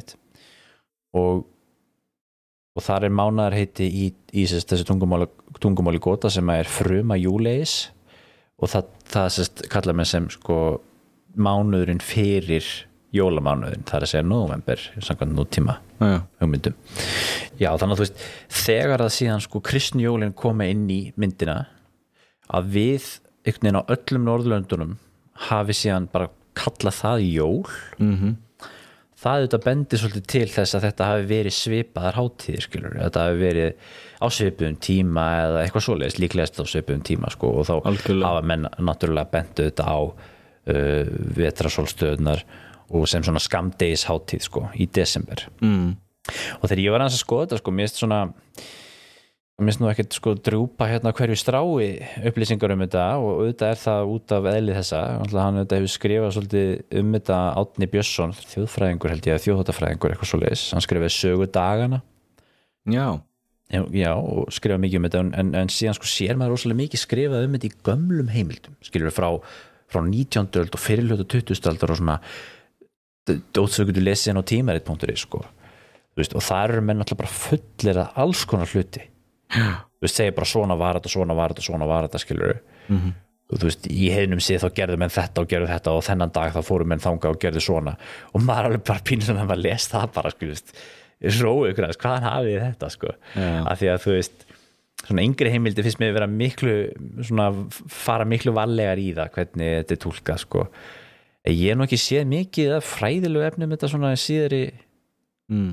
af svona yngra stöffi fyrir utan þess að ég nefndi aðan átna og ég held að sé mitt út á því eins og þú segir það er náttúrulega fátækt heimilda en, en síðan er líka voru þannig náttúrulega kirkjan hefur náttúrulega alltaf verið voðalega dugleg í því að taka uh, önnur trúabrögð og breyta þeim og taka úr það sem er nýtsamlegt það sem hægt er að vinna með það sem passar mm. og þannig kristna fólk og halda síðan áfram. En það, það þarf ekkert endilega að vera að það hafi verið alltaf sko proaktíft á vegum kirkjunar heldur getur náttúrulega líka verið að þú veist að, að, að þú, þú tekur upp nýtt trúabræð en heldur síðan í ákveðna siði. Jú, jú, það er alveg rétt. En það hefur samt alltaf verið svo sterk miðstyring þannig að til dæmis það er alveg svona mikla deilur en þess að írar á, á, á, á hérna, ármiðöldum fylgdu ekki illum með kirkjudagatalinu þannig að þeir reiknuðu ekki páskana út á, á sömu tímum og slíkt. Þannig að það alveg svona mikla deilur þannig að það endaði þannig að þeir voru kerðir í kaf og þvingað til að taka upp uh, dagatal kirkjunar þannig að þeir varu með páskana á sömu tímum. En þess að með stórmerkilegt bref frá hérna, Gregorius Mikla skrifað held ég 60 604 þar sem Águstínus sem einmitt var þá að ekki Águstínus kirkjufæðir heldur annar maður, ekki, hérna ekki Águstínus Águstus, neða Águstínus örgla það var trúbóði breyðandi og hann var að spyrja mig hvað hann ætti að gera við hofin og, og slíkt. Og þá fekk hann svar frá Gregorius Mikla. Þess að hofin ætti hann alls ekki að eðalíja heldur hofin ætti hann að, að, að taka og, og breyta í kirkjur og eðalega bara líkneskin Já, já. en það er það þannig að eiginlega allar sko eða sko síðasta hófiðlum í Noregi var venjulega líka fyrsta kirkjan. Já, já. þetta hefur alveg verið talað um á Íslandi líka sko. Alveg þekkt fyrirbreyði og Já, já, auðvitað þá náttúrulega gerur það léttar að kristna fólk og síðan geta gáttu þá prestar eftir einhverju kynslu náttúrulega síðan hægt að róla unnið í því að lagfæra. En auðvitað er þetta sko kannski málefni sem við getum örgulega tekið fyrir einhverjum heilum þætti ykkur tímana því að sko þetta er auðvitað mjög merkilegt sko hvernig og, og við höfum líka nefnt þetta með hérna Íslam. Þegar Íslam tekur, við, tekur yfir miðsturlöndum til dæmis mm.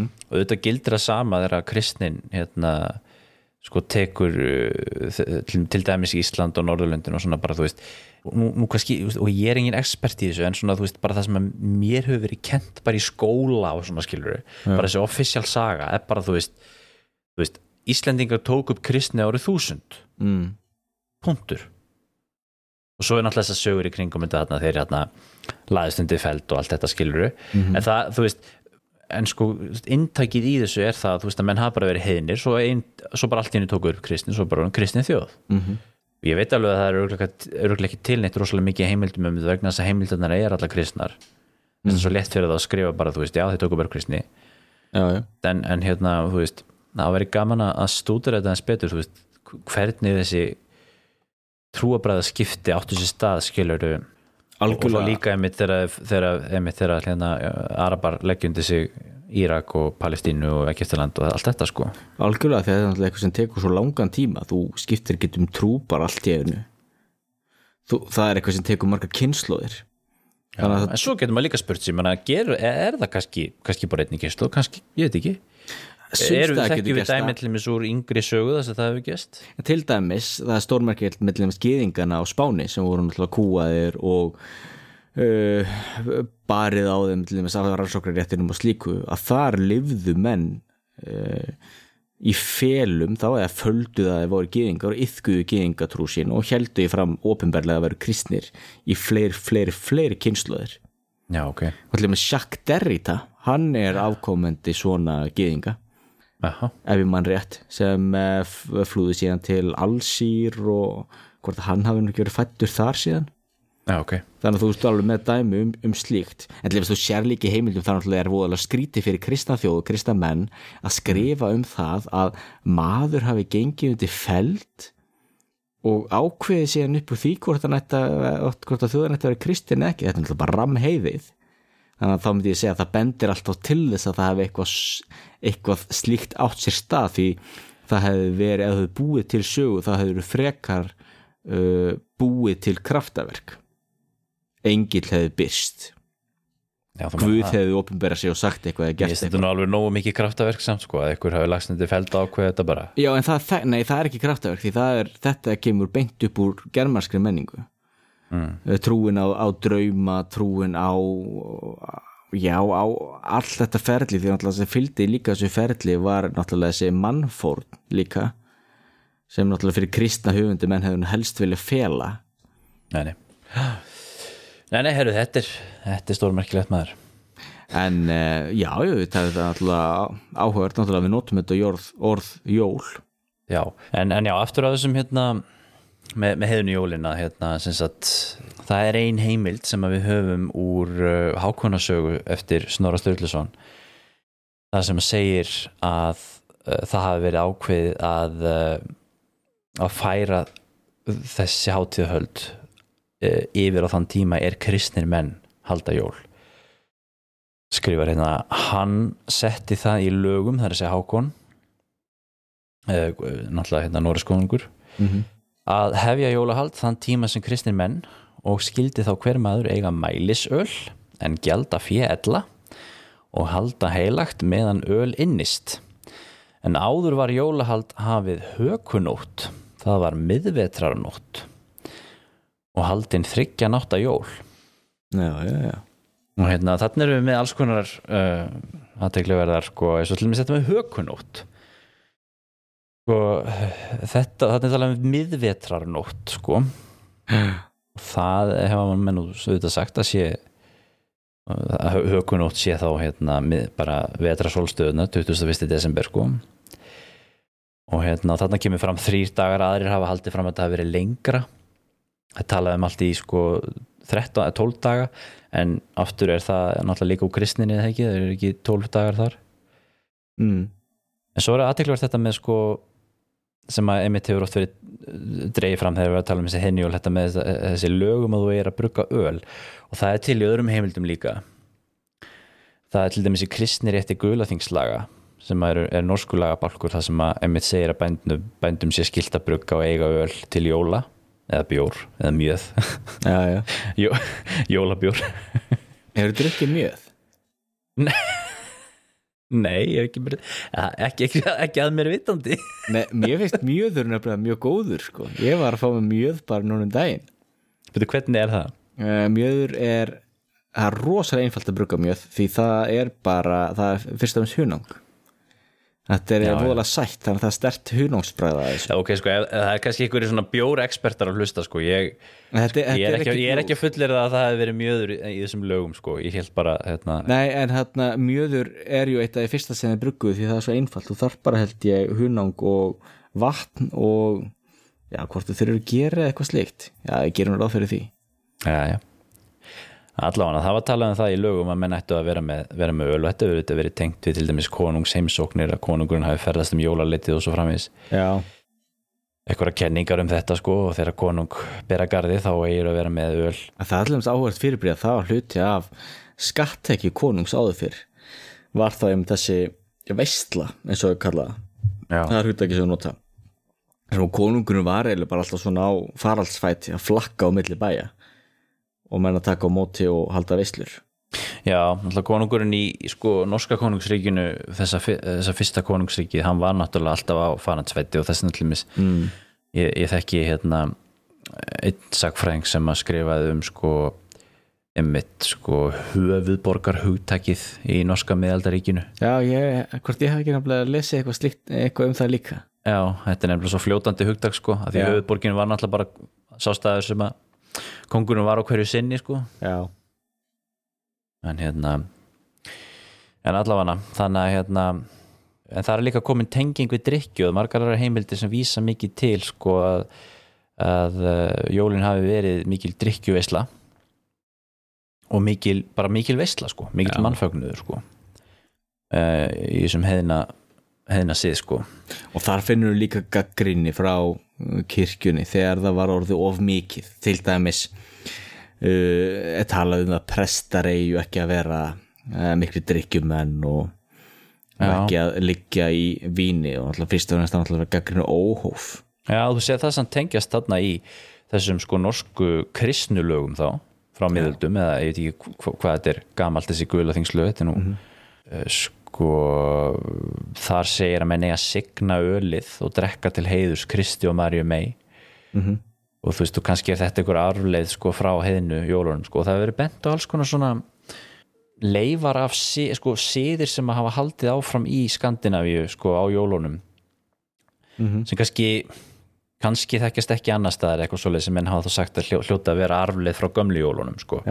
Og það eru þetta marga kenningar sem þjóðfræðingar hafa verið að koma fram með og svoleið svo til dæmis eins og ein er svo til dæmis að að jólin hafi mögulega verið eitthvað svona dauðahátti sko því það er svo algengt í alveg fram á 19. öld eru, eru þú veist dæmum að, að jólin hafi verið til dæmis í Svíþjóð og svona eh, tími þess að draugar komu mm. Uh, látið fólk skilur kom og var að vitja eh, fjölskyldunar á jólunum og, svona, og margar svona draugasögur sem tengjast í jólinu og svo framvegis, Þa, það er ein kenning skilur þú veist það geti mögulega að hafa það komið úr þessu heiðina upprunnilega og hafi svo bara haldið áfram. Mm. og svo er náttúrulega þessi íslenski siður að húsmóðurinn gengur um uh, um bæinn á aðfangadag og, og segir hérna, hérna farið þeir sem fara að vilja og er ekki hérst þetta Jú, eitthvað ráma mig í þetta. hérna, eitthvað, farið þeir sem fara vilja verið þeir sem vera vilja en látið mig í friði eða eitthvað svona. Þetta er svona, Ja. veist, eitthvað svona gamall íslenskur siður sko. Já, Jú, stemmir, ég hef heyrt eitthvað um þetta. En hérna, auðvitað er þetta bara getgátur sko. En það er líka, skjótaðina, þú veist að tala um þetta með að signa yfir ölnu. Já, Hvort það hafi ekki verið sko Ólafur Helgi þegar hann var í þrændalögum á Brasa eða hvort það hafi verið Magnús Góði. Já, en eða kannski að var að freka Magnús Góði því hann náttúrulega var fyrsti konungurinn til sem reyndi að kristna. Mm. ég var ekki Magnús Góði, það var Hákon Góði? Hann er allan að vera góður. Allan hann var góður. Hann all, ólst upp sko við hyrðina í Englandi við kristni. Já, ég var nú bara að lesa um daginn, ég ætti nú að muna þetta en allavega hann var fyrst í segð norðskonungur sem þetta kristna norðmenn og, og hann er svona hann gekk ekkert með það, það er svona mistókst. Hann á Ólaf Tryggvason og Ólaf Helgi síðan kerði þetta þó gegn setja mér já, en þegar hann segði að þetta var þá í þrændalögum og þrændalög voru svona vígi heiðina manna þá voru þeir einmitt að drekka og hvort það hafi, það geti vel verið að hafi verið um jól. Já. en þá einmitt syngdi hann yfir ölið og það vakti viðbrögð þá jarlana að hlöðum er þessi hlaðajarlar. Já, eða, hétt bara hlaðir. Jú, Alla- late. Já. Já. En þá sagði einn af hana, mönnum konungs þá að hann væri ekki sko að signa, heldur væri hann að, að fara með þórshamar. Já, já, ef ég mann rétt yfir ölið það er líka svo áhugart með kristintökur sko, menn voru náttúrulega oft með annan fótinn í, já. e, í heiðinu og hinn í kristinu og þá náttúrulega var þórshamar mjög góður því þórshamarinn gæti verið bæði hamar eða kross. En er ekki Þórsama líka, er hann ekki svolítið svona svo kross og kvolfi, er það ekki svona einhverja satanist? Já, eða hann Pálskross, mist það er alltaf fyndið með, með satanistana. Jú, jú. En það er alltaf kannski alltaf það sýnir svo mikið alltaf hvernig hver og einn túlkar því alltaf Pál Póstölu var krossfestur og kolvi þannig að þú vill getur alveg túlkað sem Pálskross bara. Já, já, en herðu, allavega hana, þetta er aðtökluvert, já, algjörlega og, og hérna og hérna, svo, svo er einmitt sko þessi trúalega skýrskotun í þessi heiðinu jól, það er nú alls konar kenningar upp um það uh, einn sterk kenning er svo að það veri frjósemisátið sem að þetta kemur nú svolítið svona skakt við það sem þetta er nú um miðjan vetturina sem allt er nú frósið verða ekki típist einmitt líka svona að ég veitum ekki hvað þetta er. Að, hvað, hvað segir strákar? Jú, Frjósemi? Frjósemi. Það getur verið sko. En svo hafa nú menn bent á að þetta er nú svona upphafið á endinum af vetrinum og þau byrja- byrja að telja niður að jafnlant frá, mm. Frá uppskeru til sáningar og svo framvegis sko þannig að það en kannski aðalega kemur þessi frjósemistúlkun út frá tengingunum við Frey sem að var frjósemis guð Mm. og hérna og einmitt elsta heimildin sem að er til um þetta uh, las ég eitthvað staðar að væri kvæði uh, eftir Þorbjörn Hornklofa sem að er talið vera frá nýjundu öld og er kvæði um Harald Hárfagra og uh, það segir úti vil jól drekka ef skal einn ráða fylgir hinn framlindi og freys leik heia Já. og það sem að menn hafa af þessu er sem þetta að drekka jól úti Já. en pælti ég svo þetta er bara eitthvað svona smá biti sko á upplýsingum sem að sko sem að sko fræðin er ekki að leiði yfir áratugum saman og tólka sko. Er drekka jól úti, hvað er áttið með þessu? Og Já. bara, veist, svo, svo fara bara hérna heilu sko starfsframarnir í þetta sko. Já, ímyndið að til dæmis bara ef, hana, eitthvað, ef eitthvað gerist núna eftir eitt ár mm. sem leiði til þess að eiginlega bara allt hefði sko stafræna sem til er í heiminum þurkast út. Mm. nefnum fyrir einhverja tilvíðun lifir litla hlaðvarpið okkar og þú veist, og þetta er þá bara samfélagi hrínur og hvað það er. Já, já. og hvað gerist síðan eftir hundrað áður eða hvað það er, þá er þetta bara kannski eina sem til er af stafrænu heimildum. Og er einhver sem finnur þetta. Þá er þetta normatíft fyrir okkar samtíma. Já, hvað við erum að tala um og hvað við segjum vegna það væri engar aðrar, aðrar þá stafrænar heimildir. Nei, nei, er og kannski ekki neina rítar heimildir eða hvað, við getum ímyndu okkur slíkt já, já, þetta er eh, algjörlega eh, góð, góð punktur sko. Og þessi guður getur vel verið hann að vera sérstaklega hrifin að frey. Já, já. en svo menn bent á þetta sko, heia freys leik hvað því þetta, er verið að vísa, í, vísa, vísa til drikju og svallvislu þetta já, það er spurning.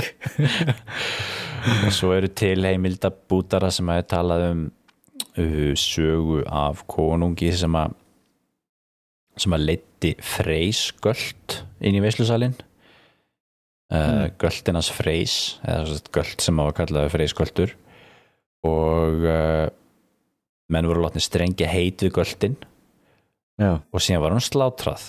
Blótaður frey sem frjósemis fórn og hann svínið frjósemis tákn og, og hérna átti ekki freyr emitt göld. Og Saturnus líka. Já. Sem hétt eitthvað gull brimir eða eitthvað á íslensku ég maður ekki hvað hann hétt gullin eitthvað. Já, eitthvað svo leis okkur mannið ekki, Gull, já, æja dóttur mér, en allavega já, en, það, en það held ég að það er ekki tilvíðun að við borðum fyrst og hann svínakjöt á aðfangandaskvöld það er aldrei sé komið frá þessu. Ég get alveg trúið að það hangi í því það var svo stert í norrætni menningu þetta að borða svínakjöt. Ég veit ekki, við höfum nú ekkert borðað svínakjöttin á Íslandi fyrir bara eitthvað tíman á þú veist, átjánduöld eða eitthvað? Já, en það kemur frá dönunum. Nei, ég veit ekki, já, já, frá dönunum. Og uh, í, og í, dö, í Danmar, Danmörk náttúrulega hefur stendur um mjög stert náttúrulega að borða svín og svínakjöt er, stór hluta danskri menningu og, og í Noregi svo sem líka. En er ekki talað um jólalambið? Er það? jólalambið, já, já. En það er kannski eitthvað sér íslenskt, ég þekki það ég ekki veit það ekki. Nei, að því sko til dæmis það í en Valhöll það er kannski eitthvað annað. til dæmis í Valhöll borða menn náttúrulega hann uh, Akkur manni þetta líka? Ég man og vennilega nöfnum öllum þessum fyrirbriðum þeir borðaði mitt alltaf göld í Valhöll. Já, einhenriðarnir alveg rétt, já. hrým eitthvað og drekka síðan hérna mjöðin frá henni heiðrúnu. Já, Já, þannig að það er ímislegt sem bendir til þess sko að svínakjöt hafi verið miklum hávegum haft þá. Að, og, og mjöðurinn var mikið í hávegum háður. Þannig að ef einherjarnir sem eru þeir bestu hermennir ef þeir borða bara svínakjöt og drekka bara mjöð þá lítur að vera vegna að svínakjöti hafi verið það hátt skrifað einhver hluti vegna ímyndum að sér. Nei, nei, þetta er, hefur verið talað um sem svona sem hérna mögul, mögulegt frjósemis blót. Og uh, og svo er uh, í óðin líka kemur aðeins við þetta vegna þess að við höfum við vitum til þess að það er, það er eitt af hans nöfnum, hann alltaf með alveg mjög mörg nöfn eitt af hans nöfnum er Jólnir. Já, og þarna hafa menn eh, svona velt fyrir sig hvort að hann hafi eitthvað tengst jólunum eitthvað leiti e, sumir hafa bent á að, að Óðinn tengist drikkjuskap og jólinn tengist drikkjuskap og svo það er eitthvað tenging. Já, aðrir hafa tengt Óðinn við frjósemi. En mér finnst þetta svo líka, þú veist, þú getur alltaf sagt það, þú minnst þessum marg, þú veist, já, Óðinn hann var nú frjósemi skuð og jú, hann var drikkjuguð og hann var þetta, hann var hitt. Döða guð og döðaguð og já, Stríðsguð allt, og- sko, já, þannig að skálda þetta bara svona, þú veist, Já, er, er þetta ekki bara, eins og segi, rosalega lítið heimildum og svo hafa menn bara púslað þessu saman svolítið og búið til alls konar kenningar og svo leiðis og Já. Það er voru mikið mín tilfinning og og ég ég er alltaf stúdir þetta tölvert ég hef nú, er nú með bjögráði í norræna fræðum. Já, og það sem ég hef finnst áhuga sérstaklega áhugavert er náttúrulega þú veist fátækt heimilda og hvað þær heimildi sem við höfum eru litaðar eru s- eh, kannski leiðilt að náttúrulega spiltar en það náttúrulega eru það ímsjö leiti náttúrulega af, af kristendómnum að þetta er allt skrifað í gegnum það. Já, og svo náttúrulega eru menn þá að reyna að púsla saman einhverju og reyna að búa til eitthvað heilræna mynd úr einstaklega fáum púsluspilum. Annað, annur vísun í frjósemina er einmitt þessi, þetta hugtak hökunótt sem ég nefndi hérna sem er þá, sko, jólanóttin, sko. Uh, ykkur hafa sagt að það hafi nú kannski átt að, átt að vera höggvunótt það er að segja nóttin það sem þú heggur uh, og það sé vera að vísa til dýrafórna, sko. Já. það er líka svo erfitt með svona orðsifjafræði þetta er nú svo orðsifjafræði fornaldar og miðalda er bara einstaklega áhugavert fyrirbriði út af fyrir sig því það eru svo finna tengingar. En til dæmis ein tenging en til dæmis sjá Snorra Sturluson þar sem hann talar um Ás og Asja alveg. tengi það saman. Ok, hann þarf að útskýra sem Kristinn maður hvaðan komu æsirnir. Jú, já, já. við höfum þetta landsvæði sem heitir Asja jú, Trójuborg var mikilvægur hluti af fornöld. Við höfum að tengja Ísland við menningu miðrarhafs og klassikina jú, Já. goðin komu frá Tróju Já, já. Ás, Já, já. orðið Ás og Asja er náttúrulega ekkert skilt Nei, nei. Þetta er eins og þarna þegar ég var að þarna, læra eins arabísku orðið yfir hundi á arabísku ætlumst kalb K-A-L-B Mm. og það er líka sama orðið yfir það er orðið yfir kálf í þýsku sama orðið en það er náttúrulega gjörsamlega óskilt, engin tengsl þar á milli, bara nei. og menn á oft verið að nota svona tilvíðina til þess að byggja upp hitt og þetta. Jú, jú. En allavegna, jólin voru, voru til, jólin voru heiðin átíð og það er alveg rétt að hérna, og bara make a sense að halda upp á vetrarsólstöðunar og ég held að, að hérna, svo við komum nú aftur bara hringin hérna.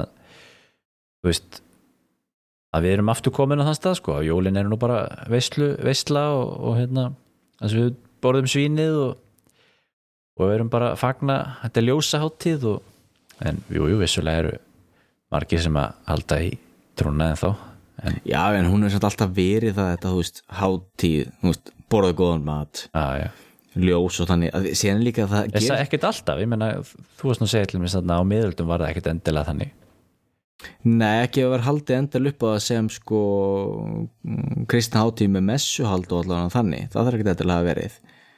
En, en máli er samt þannig að þarna jú að að það tala um það veist að það gerist oft svo fljótt að maður ímyndi sér kannski að fortíðin hafi menn verið svo rosalega heitt trúaðir. Eins og áður fyrir og mist oft prestar kannski oft tala þannig eins og áður fyrir hafi kirkjurna bara verið fullar, endast af fólki en þú hefur til dæmi sko hann uh, hérna ekki Jóhannes Gulltunga ef ég þýði yfir á íslensku? Já, Jón Chrysostomos eitthvað þannig á grísku. Ég þýði Gulltunga að því hann var svo rosalega góðu predikari. Mm. hann glems kvartar undan því eitt skipti þegar hann var að predika í kirkju þá í Litlu Asju Mm. að þá talaði fólki svo mikið menn voru að kaupa hesta og menn voru að ræða um daginn og veginn og menn voru að gera hitt og þetta að hann gafst upp og hætti bara og hjælt predikununa setna aha, og þannig við að tala um mann sem var þá uppi á, á, á fornöld. Já. Ég ætlemist, þú getur lesið um það í postulasögunum að eitt skipti Páll Postuli var að predika þá var predikunin svo leðilega þá var strákur sem satt í glugganum og strákurinn sopnaði undir predikuninu og datt undir gluggan og dó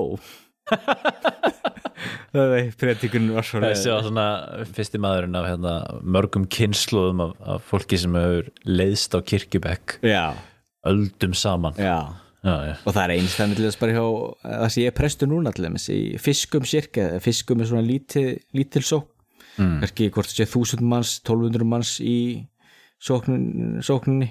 Mm -hmm. svo kirkja hefur að alltaf verið tóm á sunnudum, hefur verið það yfir 200 ár ef þú skoða kirkjubækur en hún fyllist alltaf á fyllist jú á jólunum og hún fyllist á 17. Já, mæja já. og er eitthvað að gerast Au- auðvitað er það alveg þannig að margir fari í kirkju á jólunum og, og alveg fullt af fólki sem ég þekki sem að sem fer aldrei í kirkju sko sem, að, sem fer í kirkju á jólunum sko ég fer sjálfur ekki í kirkju á jólunum en ég þekki alveg fullt af fólki sem gerir það sko Já, en síðan náttúrulega líka aðalpointi hjá mér er náttúrulega bara að jólin náttúrulega er svo mikið mm. náttúrulega mikilvægast að í þessu þú veist, jú, jú, mjög jákvæmt náttúrulega fólk vil vera hérna, hu- hugsa um frelsar en náttúrulega mik, líka náttúrulega bara mjög mikilvægt að jú, vera saman og búa sér til jákvæðar hefðir sem Algjörlega. styrkja fjölskyldulíf og já, hjálpa manni að lifa í veröldinni. Algjörlega. Herðu, voru ekki með okkur fleiri sögur sem við ætlum að fara yfir hérna áður en við hættum þessu? Jú. Mér finnst alltaf svo skemmtilegur þessi hérna hvað hva er maður að kalla ef við kalla jú, þú getur bara að kalla það sem þetta er alltaf þessi eurocentrismi sem við erum ofta að nefna. -hmm. en það náttúrulega er náttúrulega jóla eiga sem er jú til. Já. Djöfull er þetta góð tenging hjá þeim. Já, er það ekki?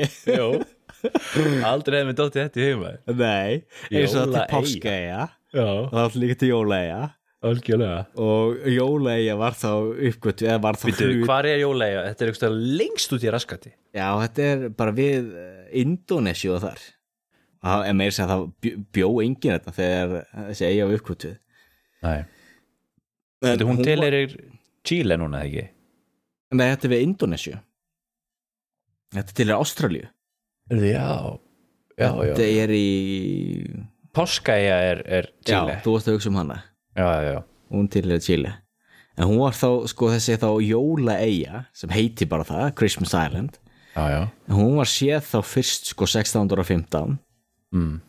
og síðan var hún sko nefnd þá einmitt á jóladag 1643 já. af þá kaftein William Miners sem var þá í já, vann hjá Austurindíafélaginu þannig að hann var þá að sigla þarna og þá, já, sá þessa eigu þarna á jóladag og nefnd hana. Geggjað. En síðan svo fyndi með þetta bjó enginn hana uh, það var svo sem ekki eftir neinu að sækja hana. Þannig að þú veist hún er, sé, hún, er fyrst nefnd þetta 1643 síðan þú veist líða árin og þú veist jú það er eitthvað nefnt svo sem eitthvað þessi hérna gaur jú sildi fram hjá henni og eitthvað þessi sá hana og svona. Og síðan eitthvað byrja að skoða hana þá miðja 19. öld já, ok, og það svona líður ykkur tími jú, ykkur gaur er að skoða þarna 1857 og síðan er ykkur leiðangur þarna verið að þarna, rannsaka hitt og þetta er náttúrulega náttúrufræðum og voru að vinsæla á þessum tíma eins og bara með þarna ferðir hann starfinslega með þarna þetta ekki Beagle skipið sem hann var með? Já til Galapagos. Já. Og slíkt. En Já. síðan alltaf það sem gerðist er að 1888 já, að þá uppgötu að menna þarna sem ekki fosfat. Já, já, þá er eigin var eigin náttúrulega innlimuð inn í berska heimsveldið. Því þá náttúrulega voru einhver eh, not í henni. Einmitt. Og síðan upp úr því sko fór þarna og var byrjað að vinna þetta fosfat og en það er eitthvað fólk sem að býra þetta, ekki? já, en þetta er alveg pínulítið. Það búa þarna held ég 800 manns í dag. Ok, en er þetta ekki er ekki pólinnessar eða eitthvað svoleiðis? N nei, það er bara svo áhvert, ég var sko það 20% íbúðum eru kynverjar já, og 18% eru malasjöbúar síðan 12% ástralar. Já, já. Þannig að síðan það sem gerði sko að þeir fluttu þó inn vinnuafl frá Kína og, og hitt og þetta og svona. Malasi og svona til þess að vinna þetta fosfat og hvað nota maður fosfat í? það er nefnilega það, ég var að reyna að finna ég var eitthvað að googla að reyna að finna út í hvað maður notar þetta í það sem ég fann meðal annars var að sé nota í svona mm, sko fosfat er vist eitthvað sem líka með þarf til þess að byggja tennur og eitthvað slíkt held ég. Já, þannig að það er vist eitthvað þannig. En síðan hefur þetta, er þetta notað jú í, í áburð já, já passar það ekki? Það er nú nýtt samlegt. Já. Já, já, þannig að og þá var Jóla það, en síðan alltaf fyndið um að skora þetta á korti. Þetta náttúrulega hún er náttúrulega langt, langt frá Ástralju og næsta land er náttúrulega Indonesia já, breytanir hafa verið að seilast eftir þetta. Já, hráefnum sko. Nei, mér finnst þetta alveg, eh, hérna, sko, bara þessar eigjar þarna, þú veist, þetta, þetta eru svona paradísar eigjar mm. og maður hugsa um allan þessar pólinesisku eigjar í, í eigjaálfu og, og hérna, svo, til dæmis páska eigja og svona. Já, og, og þetta er alltaf auðvitað ótrúlega saga nú kannski er ég svona að fara aðeins frá jólaegju og aðeins meiri verið í páskaegju en, en bara þessi saga til mér sá þessum pólinesum sem að, sem að hérna, lögðu undir sig allar þessar eigjar mm, eða þú veist maður að segja lögðu undir sig settust að á þeim Já. komu sem landnemar. Mm -hmm. veist, fóru á, á, á hérna, og náttúrulega auðvitað hafi náttúrulega auðvitað verið með almennileg sko, skip úthafskip sko, ég meina og ykkur rosalega góða eh, tækni til þess að ég, í raun og veru var þetta bara eitthvað svona kanóar. Það getur samt ekki verið þetta farið við svona rísa, rísa, rísa stórt haf sko. Jú, hann gerði þetta, jú, hann norski þarna kon, já, Kontiki. Jú. Og hann náði að sigla á svona einföldum fleka. En þeir sko í raun og veru er þetta Pólinesíu fólk og mjög frumstætt og bara saman með Evropabúa já, já, en alveg ótrúld og aðra að sjöbúa já, aðra Asíubúa og hann ótrúld á hvað fær nærð. Já, en auðvitað er þetta líka kannski, uh, já hvað maður að segja, ég menna þetta eru litlar eigjar bara út í Mm. algjöru auðun Já, því að það sem er styrlað að, að leggja í það bara að sigla út, já, út og opið haf, ekki vitandi hvað býði þín. Já, það allir slutaði okkur og tóka Európum en svona langan tíma að, sigla með frá ströndu Afríku og, og uppkvötu Afríku. Þá náttúrulega var ræðslan við að sigla út og opið haf að því að vindarnir eru þannig að þú getur ekki silt held í almennilega, gast ekki almennilega silt með frá ströndinni. Já, já, þannig að þú þarft alveg ótrúlega mikið sko, já, hugrekki og, og þekkingu líka til þess að geta gert það. Já, já. það er svo merkilegt að hvernig, hvernig maðurinn er búin að man- mannskeppnan einhvern veginn sest að og bara, þú veist, öllum skikum jarðarinnar, sko, hvort sem það er 50 stega frost eða, eða jökull eða, eða bara mitt opið haf, sko. Já, en síðan finnst mér líka allt svo fyndi með sko þessar nafngiftir og Já. ég er oft svo hleyjað í sýslingi sem, þess að Ástralíu. Þar getur við fundið sko New South Wales. Já, já. Og það sem ég svo fyndið sko hvaða manni frá Wales eða sem séð Wales sá einhverja náttúr í Ástralíu og hugsaði með sér sko nei, við ætlum ekki kalla þetta nýja Wales. Nei, nýja Suður Wales. Það er samt eitthvað góð saga bak við það sko. það getur vel verið en, sko, það er svo að fyndir mörg af þessu nöfn já, já, algjörlega. Já, svo er náttúrulega eigar ú- sem heita einmitt eitthvað New Britain og Já, New Ireland og, já, já með Bismarck segja þetta líka og, já, já það var náttúrulega hluti að breska, neð þýska imperialismarum já, já, og þetta er sagan af, svo, aftur á páskæju þetta svo menning sko, sko við, veistu, við, nú, nú segi ég það bara, við tökum þetta fyrir einhvern þætti Mhm. uh, á, á nýja árinu hérna, þessa pólinesísku sögu og, og, og, þetta því að þetta er alveg stórmerkileg saga mitt páskæju sko. mm, og, og Algjörlega. þessar styttur á páskæju og, já. og hérna, það allt saman hann talaði nú svolítið um þetta hann vinnur okkar hann hérna já, það er Diamond já, já, Já. Diamond hann var svolítið í þessu hann talaði aldrei um þetta ég enda að páska er náttúrulega sérstaklega vinsæl þema náttúrulega í dag sko, með loftlagsbreytingar og slikt já, já. En Christmas Island hérna, hefði ekki verið að gera eitthvað úr til mér svo þú veist að vera með eitthvað svona túrisma þar um jólin skilur eitthvað svona að koma til að því þetta er náttúrulega talandi um vetrasólstöðunar að, að þú veist vetrasólstöðunar er sk- myrkasta skamdið hérna norðan frá en, en þarna megin er þetta náttúrulega sama og sumarsólstöður fyrir okkur.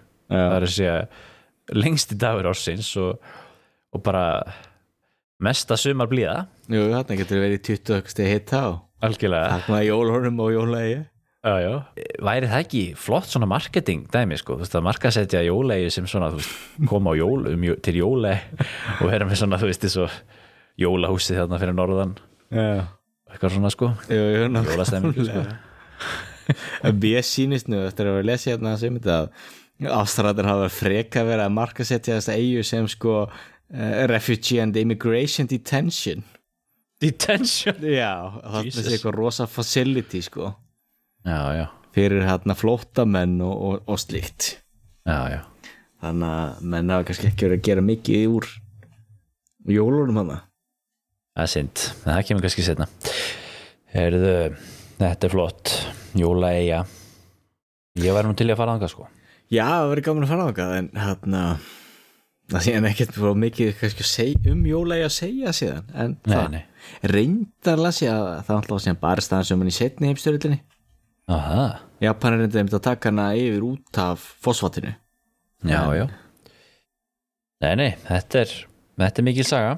Svona önnur paradísar eiga sem að sem er nú kannski ekkit svo rosalega ósvipuð jóla eigu í, í allavega svona postkorta útliti sem að um, tengist næstu jólasögu sem að ég ætla að bera hér á borð. Og verður mín síðasta jólasaga hér í kvöld. Já Sko, þetta er mjög skemmtilegt málefni sem maður hefur nú oft borið á góma svona sem einmitt svona eins og, eins og, eins og það sem ég nefndi áðan með, með hérna eh, með heiðinu jólun og svona, er svona oft svona eitthvað sem fyrst, fólk, fólk veit af, fólk segir og fólk slengir svona fram í ykkur orðræðu sko og mér langaði svona að kanna sko bara, þú veist, er þetta satt? Og er þetta, þú veist og ef þetta er satt, þetta er náttúrulega eitthvað sannleikskortni í þá að, hvað, að hversu miklu leiti var það sagt? Og ég skal alveg viðkjöna að ég gekk út frá þetta væri 90% mýta. En svo verðist ekki vera. En uh, íslenska dagbladið dagbladið sagði frá árið 1976 að þær fréttir berast nú frá Kúbu að þinn venjulegi undirbúningur jólana að við fallið algjörlega niður í ár Upplýstar jólaskreitingar á götum úti sjást ekki lengur og nú auglýsir engin jólagjafir eða jólasteikina. Hvorki er minnst á hátíðina í dagblöðum, nýja sjónvarpi og margir munu hreinlega gleyma fæðingardegi frelsarans. Já, já Svo slemt var það Svo slengt var það orðið 1976 en um, þá hafa nú margir muni eftir því að, að nokkur mánu fyrir árið 1969 þá gerist Fidel Castro forseti Kúpus og frægur að hann aflýsti jólun Þetta hefur nú oft verið sagt, þú hefur nú heyrt þetta. Já, og hérna svona og sérstaklega svona einmitt í svona hæðinni sko, svona þegar er verið að gera grín að Castro eða Kúb eða kommunismanum eða einræðisherrum eða eitthvað svona. Já, þú veist, já, hvað er það ekki bara aflýsa á jólunum eins og Castro? Eitthvað svona sko. Já. en þetta er vist uh, þetta er vist engin mýta, þetta gerist og, uh, og, og, og, ekki bara það heldur uh, varð þessi frestun til að jólunum, jólin voru bara hennilega bönnuð mm. eða allavega ekki haldið upp á þau í Kúbu. Uh, þangað til 1998 hugsa sér, já. Og þetta er svolítið merkilegt. Þetta er svolítið auðvitað með, með, með, með kommunistaríki eða land sem að aðeins svona marx-leniníska stjórnunarstefnu og, ríkissocialisma í efnaðasmálum og er frá 1962 yfirlist sem svona trúlaust ríki svona state atheism og opinbert trúlaust ríki og því fylgir þá í rauninni þarna sko þetta og það er líka komin aftur að það verið styrra svona þrjóldu þema hjá okkur þetta sko og, og sem svona þetta þessi, þessi tókstreita á milli sko er jólin trúarháttíð eða er hún eitthvað annað mm. en auðvitað er þetta líka það sko að jólin náttúrulega voru og auðvitað eru náttúrulega líka ekki bara þessi trúarháttíð þetta því að hún er náttúrulega líka uh, háttíð kapitalismans Mm. Já, já. Og mér finnst það nefnilega svolítið merkilegt að því að hérna, þú nefndir hérna áðan sko, nú í dag þú veist þið prestarnir hérna voru að ræða sko, þetta er orðið svo mikið svona hátíð kapitalismans og kaupæði og allt þetta sko. ég var að lesa í blöðum, íslenskum blöðum frá 1969 sko, þegar Castro kom með þetta. Já, að þá var að vera, vera að spyrja fólk um viðbröð við þessu meðal annars hérna, Sigurbjörn Einarsson biskup og aðra sko margir sem voru að segja bara eitthvað þú veist, já þetta er nú bara fínt sko. Jólin er hvað sem er og svo mikið hérna kaupa eðis kjæftaði sko, að viðslinga getur nú alveg tek, hérna feta bara í sumi fótspóru og kastro og bara aflýst þessu. Já, já. fyrir og, og þetta kom meira að segja frá sko trúarfólki. Já, já. Finnst það svo, það er svo fyndið. Ég er alveg sko persónulega þá finnst mér nú bara mér finnst nú bara gaman að þessu kaupæði sem að fyrir í gangi hérna í kringu jólin sko, ég er nú að segja það sko ég, ég byrjaði að kaupa jólagjafir í ágúst. Já, byrjaði svona lítið aðeins á það því ég vissi það náttúrulega út af COVID-inu væri náttúrulega mikið lengri hérna uh, myndi taka mikið lengri tíma að fá vörur og svona og það var sniðt að vera að snemma í því líka og líka bara losna við jólaörtröðina ég nefn ekki að taka þátt í því. Já, já, og svo er það náttúrulega bara á mínum forsendum veist ég kaupi ekki bara vegna sem ég finnst ég þurfa að kaupa eitthvað ég kaupi það sem ég raunverulega hef gaman að gefa öðrum og að því að mér er andum þá sem er í kringum og vill sína það líka með því að gefa gjafir ekki bara með að vera saman. Þó þú þurfir ekki að gera en það er auðvitað, maður var náttúrulega bara verið nóg sjálfstæður til þess að geta tekið þær ákvarðinu sjálfur. Og staðið séðan í því. Já, já. Er náttúrulega þetta þú, þú er nú kannski ekkit besti frendin eða þú myndir allt í nú bara ekki gefa henni að gjöf sko. Nei, nei, en sé náttúrulega vel um að náttúrulega líka þú veist, hversu mikið það kostar og svona þú veist, eins, og, og bræðu mínir ég gef þeim eiginlega megnu til svona grímgjafir. Það er eiginlega mikið skemmtilegar hættur en að kaupa ykkur að dýra flottagjafir gastu henni mikið þarna Trump-húna um árið? Jú, til dæmis ég, ég vil gera Trump eh, merchandise og hann einu sinni til dæmis þá bjó ég til uh, og síðan hérna setti ég sett handafar og fótafar af mér. Þetta var ég þú veist 20 eitthvað ára gamall. Og gaf einum af bræðurum minnum sem er með þetta þá í stofunni heima hjá sér.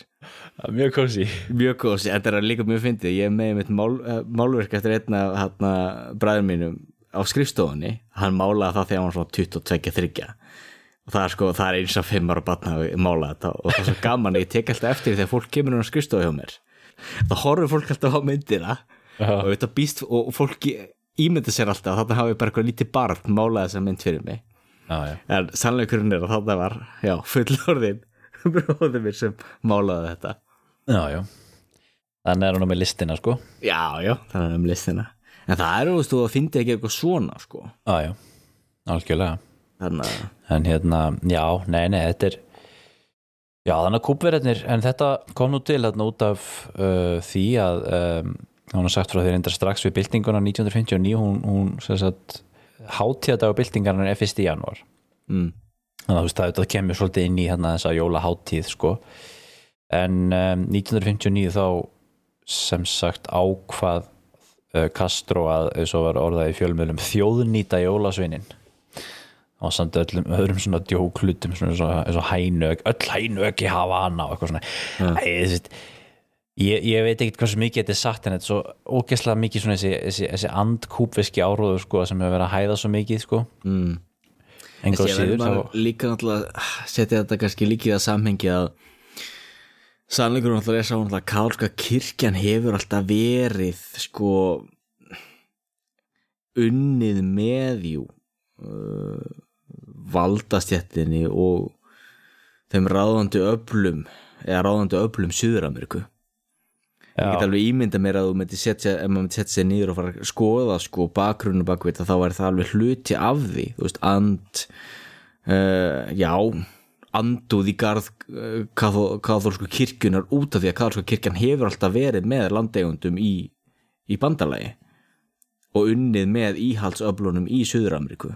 Já Áttu við að þetta sé ákveðið svona andof gegn kirkjunni þá? Já, já, ég myndi halda að það myndi hanga, Já. hanga saman. Já, vegna þess að það er bara þekkt fyrir að kathólsku kirkjan í Suður-Ameríku hefur alltaf veila verið já, já. í bandalagi við landeigundur og auðvitað- íhaldið Þetta er náttúrulega aðtekliverð spurning sko að skoða hvernig önnur trúlaus ríki hafa að tækla jólun ég hefði nú kannski eftir að kynna mér það eins fyrir, fyrir þessu umræðu sko því að því að sko Rússland náttúrulega auðvitað er, er Sovjetaríkinu voru, þetta, voru þetta svona trúlaust ríki líka. Já, og hérna, nú þekki ég ekki nákvæmlega jólahefðirnar í Rússlandi en undir sovjetmönnum en mér skilst nú að það hafi nú verið hérna ekki official svona jóla sko það var meira þú veist með hérna hennan afa frosta og þetta var meira svona áramóta eitthvað svona officially sko veist. En, en eins og sé ég er ekkert búin að kynna mér þetta neitt almennilega þetta er bara svona eitthvað sem er ámæri sko. Sko Stalin gekk náttúrulega voðalega hart fram gegn kirkjunni allt fram til að hann þurfti á kirkjunni að halda þegar að uh, Þískland reyðast á Rúsland það er bara svo sorglegt að segja frá því sko að Stalin lærði svo sem hluta af sinni aðferðafræði í prestaskólanum í Tbilisi. Já, já, það sem var mikið harðræði og ofbeldi.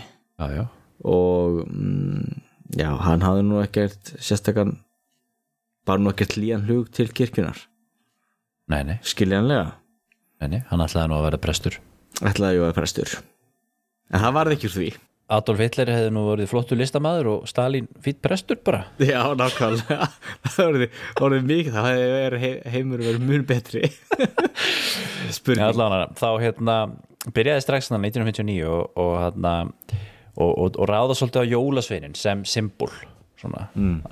fyrir svona ameríst svona ameríska hérna, imperialisma og, og svona og segja sko að jólasveinin er ekkert hluti af kúpeskri menningu og, og hérna og, og byrja strax að breyta allir þess að þú er að fá gjafir sko ekki frá jólasunum heldur frá vitringunum þremur já, og, og menn byrja strax að setja aukna áherslu á 7. janúar já. hvað dagur er það aftur? það er 13. það er Já, 13. já þá er einmitt þessi vitringandi þrýr Einmitt. En, en, sem sagt, en það er nú reyndar eitthvað sem á sér þá líka rætur held ég í, í, í kúpu að 13. og í mörgum öðrum löndum þá er haldið miklu meira upp á 13. heldur en, heldur en er gert hér já, og eins í Rúslandi og í réttrónaða kirkjunni er, er 13. líka stærri hluti af jólaháttíðin heldur en, heldur en hér sko já, og hérna og það er strax byrja allir að taka þess að segja allt, allt um jólasinn líka svona reyndir og þetta skiluru mm. og, og, og allt svona jólaháttíðin á að vera kúpversk og, og, og með, með svona kúpverskum senum. Og í staðin fyrir jólatrið þá fórum við að nota svona kúpversk pálmatrið Já, það sem að jólatriðin voru svona amerísk uppfinning sko sem er kannski svolítið kannski ekki alveg rétt en, Nei, nei. en já. Já, svo það fyndum við jólasveinin náttúrulega, sko, jólasveinin eins og hann er síndur í dag er náttúrulega bara sko besta auglýsingaherferð mannkynnsögunar þetta er náttúrulega bara tilbúningur Coca-Cola.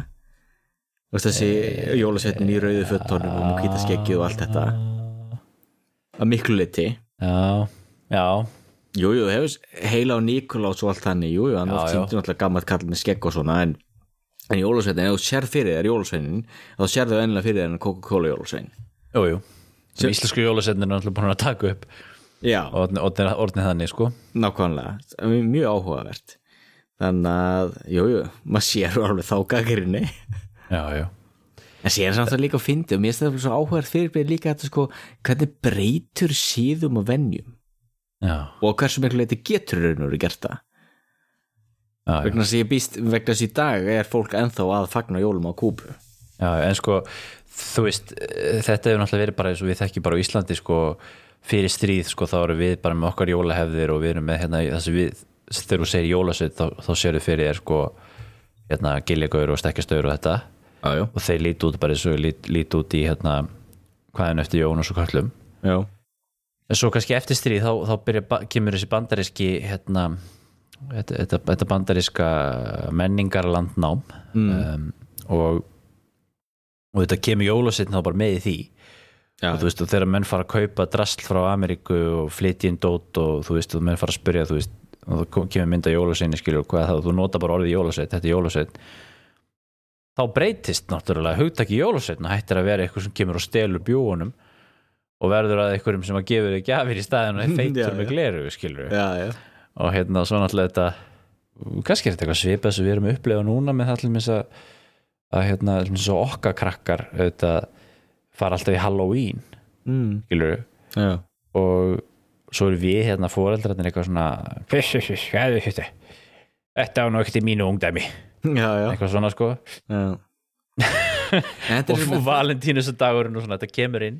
Já, þetta er sem með þakkagjörðháttíðin ég, og- ég og Elva hefur verið að nota það sem svona tilli ástæðu til þess að vera með svona friendsgiving og þannig. Algjörlega ég man nú eftir því þegar hann var bara legendary kvöldverður sem okkur var bóðið í hérna árið hvenær var þetta, 2000 og það er langt síðan maður. Þetta var ótrúlega góða matur. Já, takk fyrir það. En þú veist, það er einmitt gaman, þú veist, þá bara, ok, jú, þeir haldur bara þakka ekki hátíð í bandaringa, þetta er, maður getur að gera það sama, en maður er raunur þá bara, jú, jú, búa sér til ástæðu til þess að bara bjóða vinnum í mat og vera með svona over the top amerískan mat, já. sem er náttúrulega upplifun á- út af fyrir sig. allavega, þannig að þarna sér þetta ákveður svona andof gegn Ameríkuismannum og hérna, og þú pældi að þetta er gert á Íslandi Mm. eða við myndum, það veri kúbilding á Íslandi og, og hérna, Sovjet Ísland eða eitthvað sko. Mm -hmm. alveg því við lifildi Ísland og svona og svo myndum við segja bara hérna, þú veist, jólasveitnin er nú bara amerísk uppfinning og nú bara fyrir við aftur í hérna gömlu jólasveitnin sem koma og, og gríla sem borðar börn og eitthvað, þetta erum við náttúrulega ennþá með það en, en þú veist hvað, þetta er svona pæling sko. En þarna, þetta minnum á það að, jú, kynverski kommunistaflokkurinn er búin að gaggrina jólinn síðastliðin ár, vegna þess að þ- jólin er alltaf að vera vinsall og vinsall í Kína. Já, og þeir vilja það ekki. Þannig að sko meðlumir í kommunistaflokknum hefur meðlumir í kommunistaflokknum hafa fengið skýr skilabóð og sagt að þeir ætti ekki að halda upp í jól. Nei, nei.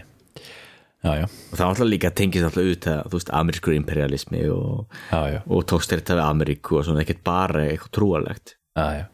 En jólin á Kúbu svona fyrir þetta voru nú svona nokkuð stór hátíð og það var mikið, mikið fjölskyldahátíð, stór fjölskyldan kom saman mikla veislur, borða svínakjöt um, þetta voru hátíðir yfir marga daga og það nefnilega tengist þá því þegar að jólunum var frestað ára 1969 en þá var gert undir því yfir skinni að jólin átti ekki að vera að trubla sikur uppskeruna. Já, já. Sko sikur er stærsta útflutningsvara kúpu. Eða var allavega og er alveg örglega þá já, og sko þessum tíma voru kúpverðir að flytja sko uh, þetta var, þetta var þrýr fjórðu á útflutningi í landsins. Hugsa sér. Já. Og á þessum tíma náttúrulega var komið á er ekki rétt hjá mér viðskiptabann? Eða allavega voru þeir hættir að selja þetta til bandaríkjana voru fannir að selja þetta mest til Östur-Európa og Sovjetríkjana mm. og verðið var lágt. Þannig að þetta var ekkert svona frábær stað endilega. Nei, og meðal uppskera var á þessum tíma cirka 5 miljón tonn á ári. Og sísonið er sko frá sumar sko og yfir jólin og síðan er sko uppskeran í þá júli sko. Já, já. Þannig að svona desember er svona ákveðin svona háana tími það sem er mjög mikilvæg tími að, að, hérna, að, að vinna í, í þessari siguframleyslu og þess vegna var oft svolítið e, þótti, þóttu yfirvöldum svolítið leiðilegt að, að hérna hvað fólk og verkamenn þurft alltaf að leggja henni störf sín og ferðast yfir landið þess að fara heim og svo framvegis. En það er skýtt. Æ, nei, við, stráka, við bara þurfum meira inn í ríkiskassa Já, þetta var einmitt sko, þetta var sett í gang átak sko. Já, og hérna Castro ætlaði þarna sko að ná 10 miljón tónum Já, ekki spyrja því. Það hefði reynda verið met uppskýra alveg þarna árin undan sko. Já, og, nú ætluðu sko algjörlega að spýti í lóana sko. Og hérna það voru allir bara allir á akkurinn Castro sjálfur fóru náttúrulega í, í, á akkurinn og voru að hakka sigurir og, og einhverjir sovjískir herrmenn sem voru að nýkur í heimsókn voru sendur á akkurinn já, já.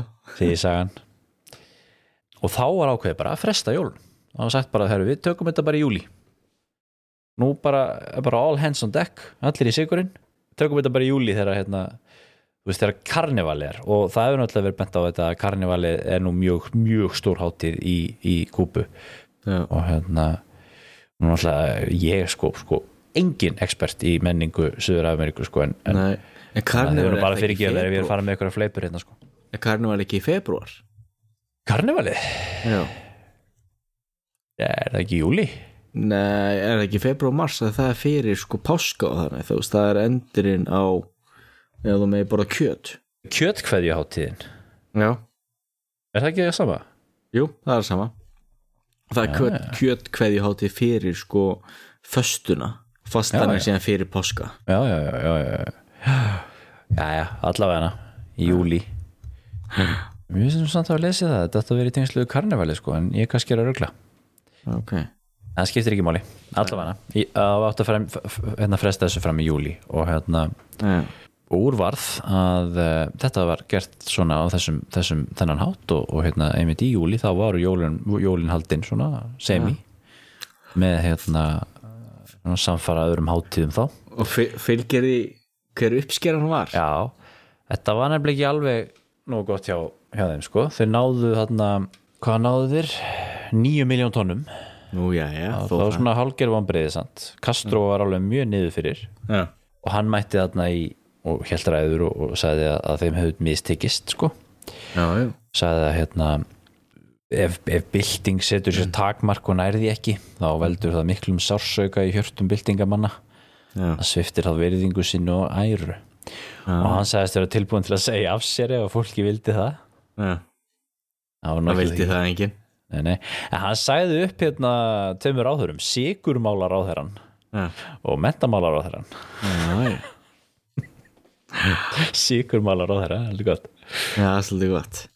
Við séum allir með þess að öll þessi kommunastaríki voru hérna gjörsanlega háð kapitalísku ríkjörnum hvað við kom eigin efnaðastlegri skiplagningu því vandamálu var að þegar þú afnemur verðlag mm.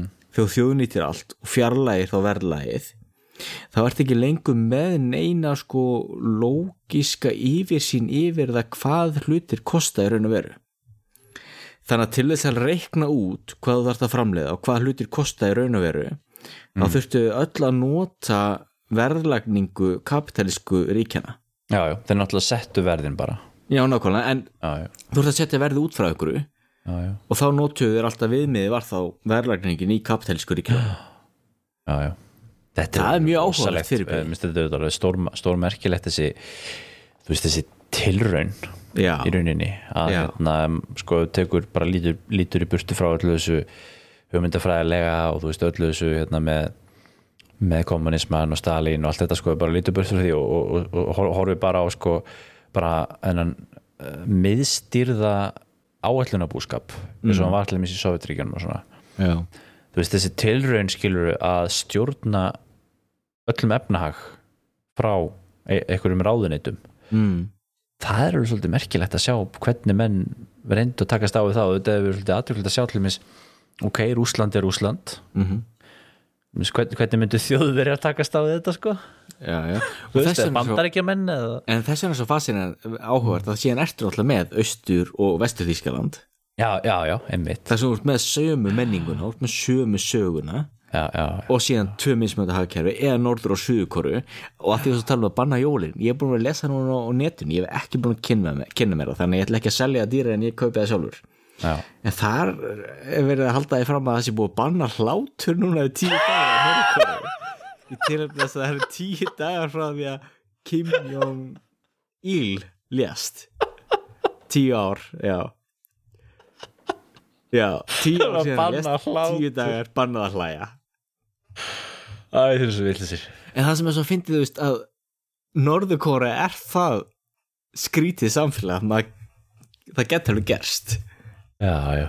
En svo er þetta líka, svo, sko, líka fjölmið sem maður sé líka þegar maður er að lesa um þetta með kúpu sko, fjölmið, þessi vestræni fjölmið er alltaf svo kaltænir og gaggrínir og þú veist, svona alltaf líklega hefur hlátur verið bannaður þú veist, einhvern negin skilur þetta verið orðað einhvern negin skilur og svo hafa fjölmiðlarnir sett þetta svona í fyrirsagnir.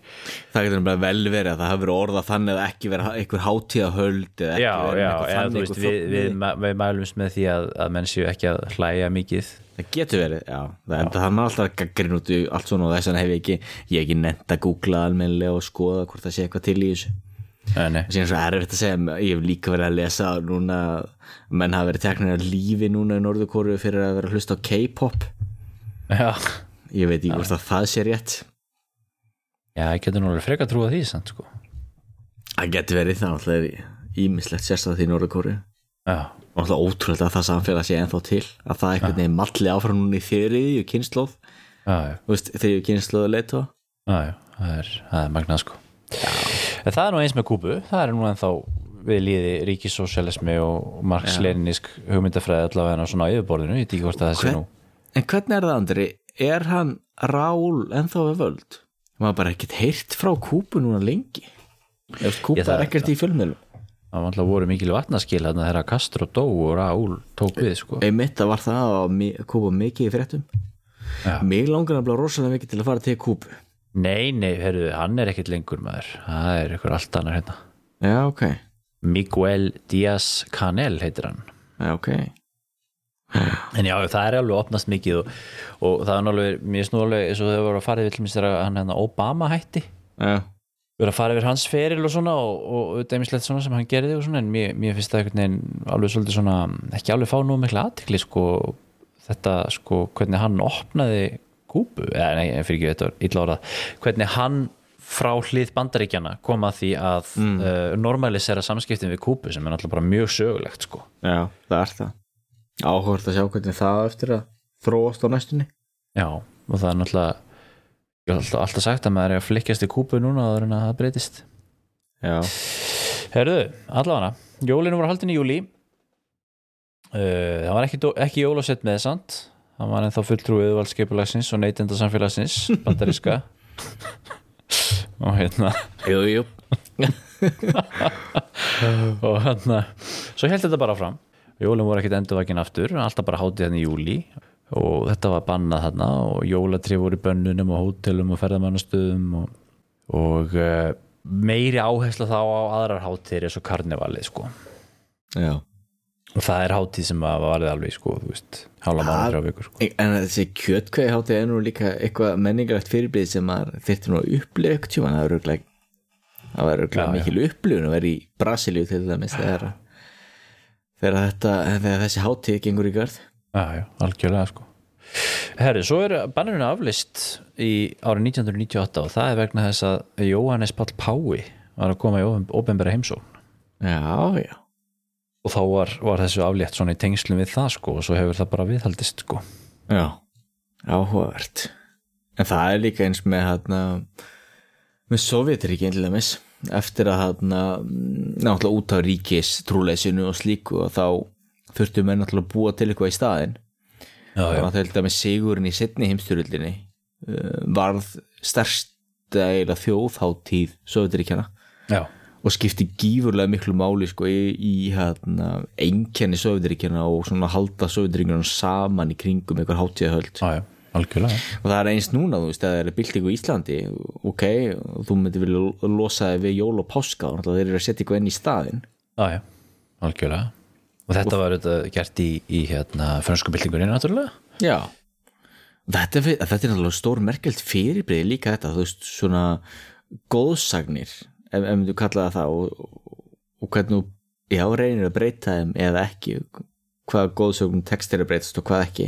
Já, En til dæmis að þú nefndi frönsku byltinguna hérna, ég las uh, bók eftir franskan fræðimenn sem talaði mikið um þetta. Hann var skrifað mikið um þetta á áttunda áratögnum um góðsagnir og góðsagnir þau allana myndum. Þannig til dæmis að notaði hérna uh, fræga mynd í Fraklandi það sem er svartur hermaður í frönskum herbúningi sem stendur teinréttur og í bakgrunnum blaktir franski fánin mm. Og þetta er þá mynd sem er þá gefin út og hvort hún var á forsið einhvers fransk, uh, fransk blaðs 1900 og hvort það var 60 eitthvað frekar en 70 60 eitthvað held ég mm. og þetta er þá mitt, mitt í sko uh, af nýlendu stefnunni og slíku -hmm. og það sem er náttúrulega verið að sína með myndin er að þarna er sko svartur herrmaður ok, hann er úr nýlendunum en hann stendur með Fraklandi og hann er frakki og er hluti af franska ríkinu já, en síðan alltaf spurningin ok, veist, hversu mikið er það rétt þú veist, er þetta ekki bara, er þetta góðsögn já, já, og þú veist með svo mikið af svona myndum sem er oft notaðar. Já, já. þú veist, eins og bara FL FL-törnin sem eru nú átti bara að vera sko, tímabundin bygging. Já.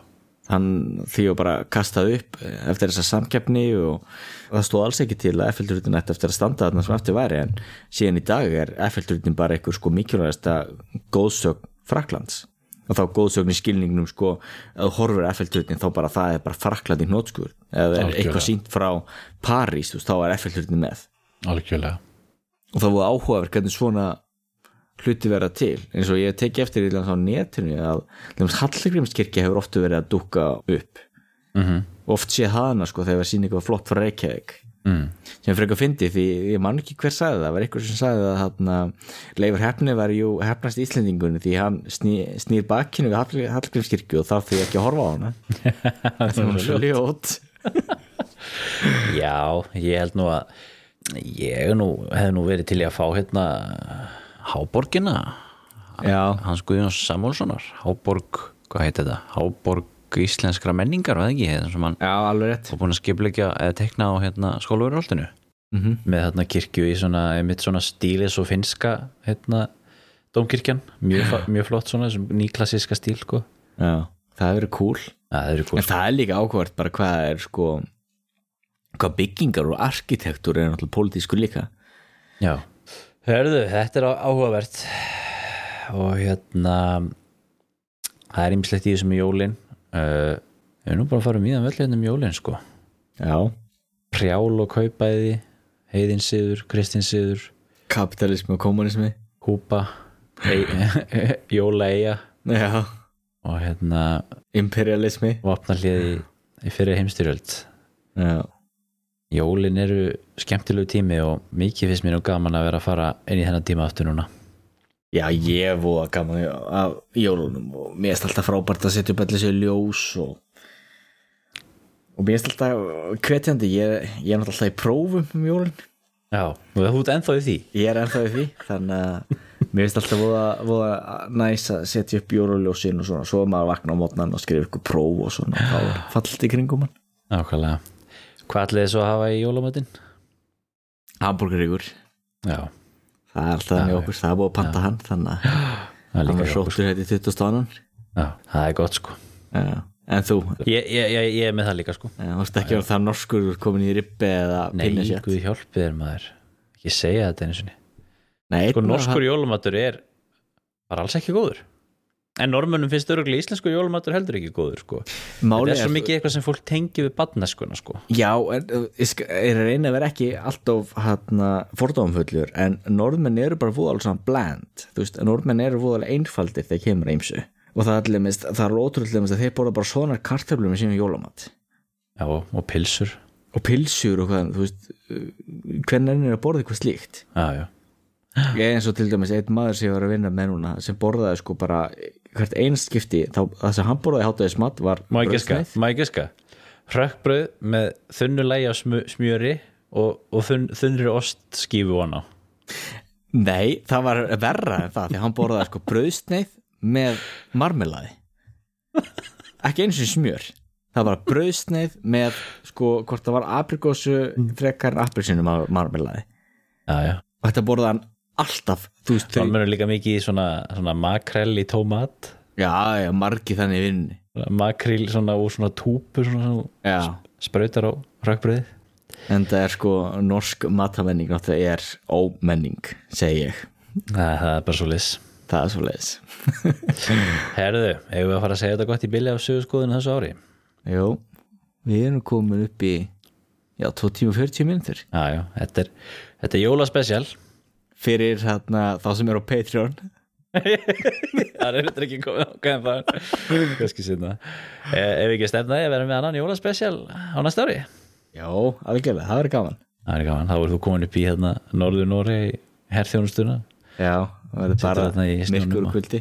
Já, búið að fyndi mér svo súrlega að hugsa til þess að fyrsta janúar þá er ég alltaf um kaftið til norska hernum. Þetta er náttúrulega bara fáralegt sko. Það er alveg fára Æ, æ, captain. Já, nákvæmlega. Herðu, þá held ég að við segjum þetta gott í bili. Uh, við bara þökkum hlustendum fyrir uh, fyrir að hlusta okkur á árinu og óskum hlustendum gleðilegra jóla og farsaldra komandi ári og uh, snúum hér aftur eh, á nýja ári með eitthvað nýtt sagfræðilegt málefnið að ræða. En það ekki? Algjörlega, það gerum við. Algjörlega, þá segjum við það. Og uh, verið sæl. Reið sæl. Nú er hún gamla gríla döið, gafst hún upp á rólónu.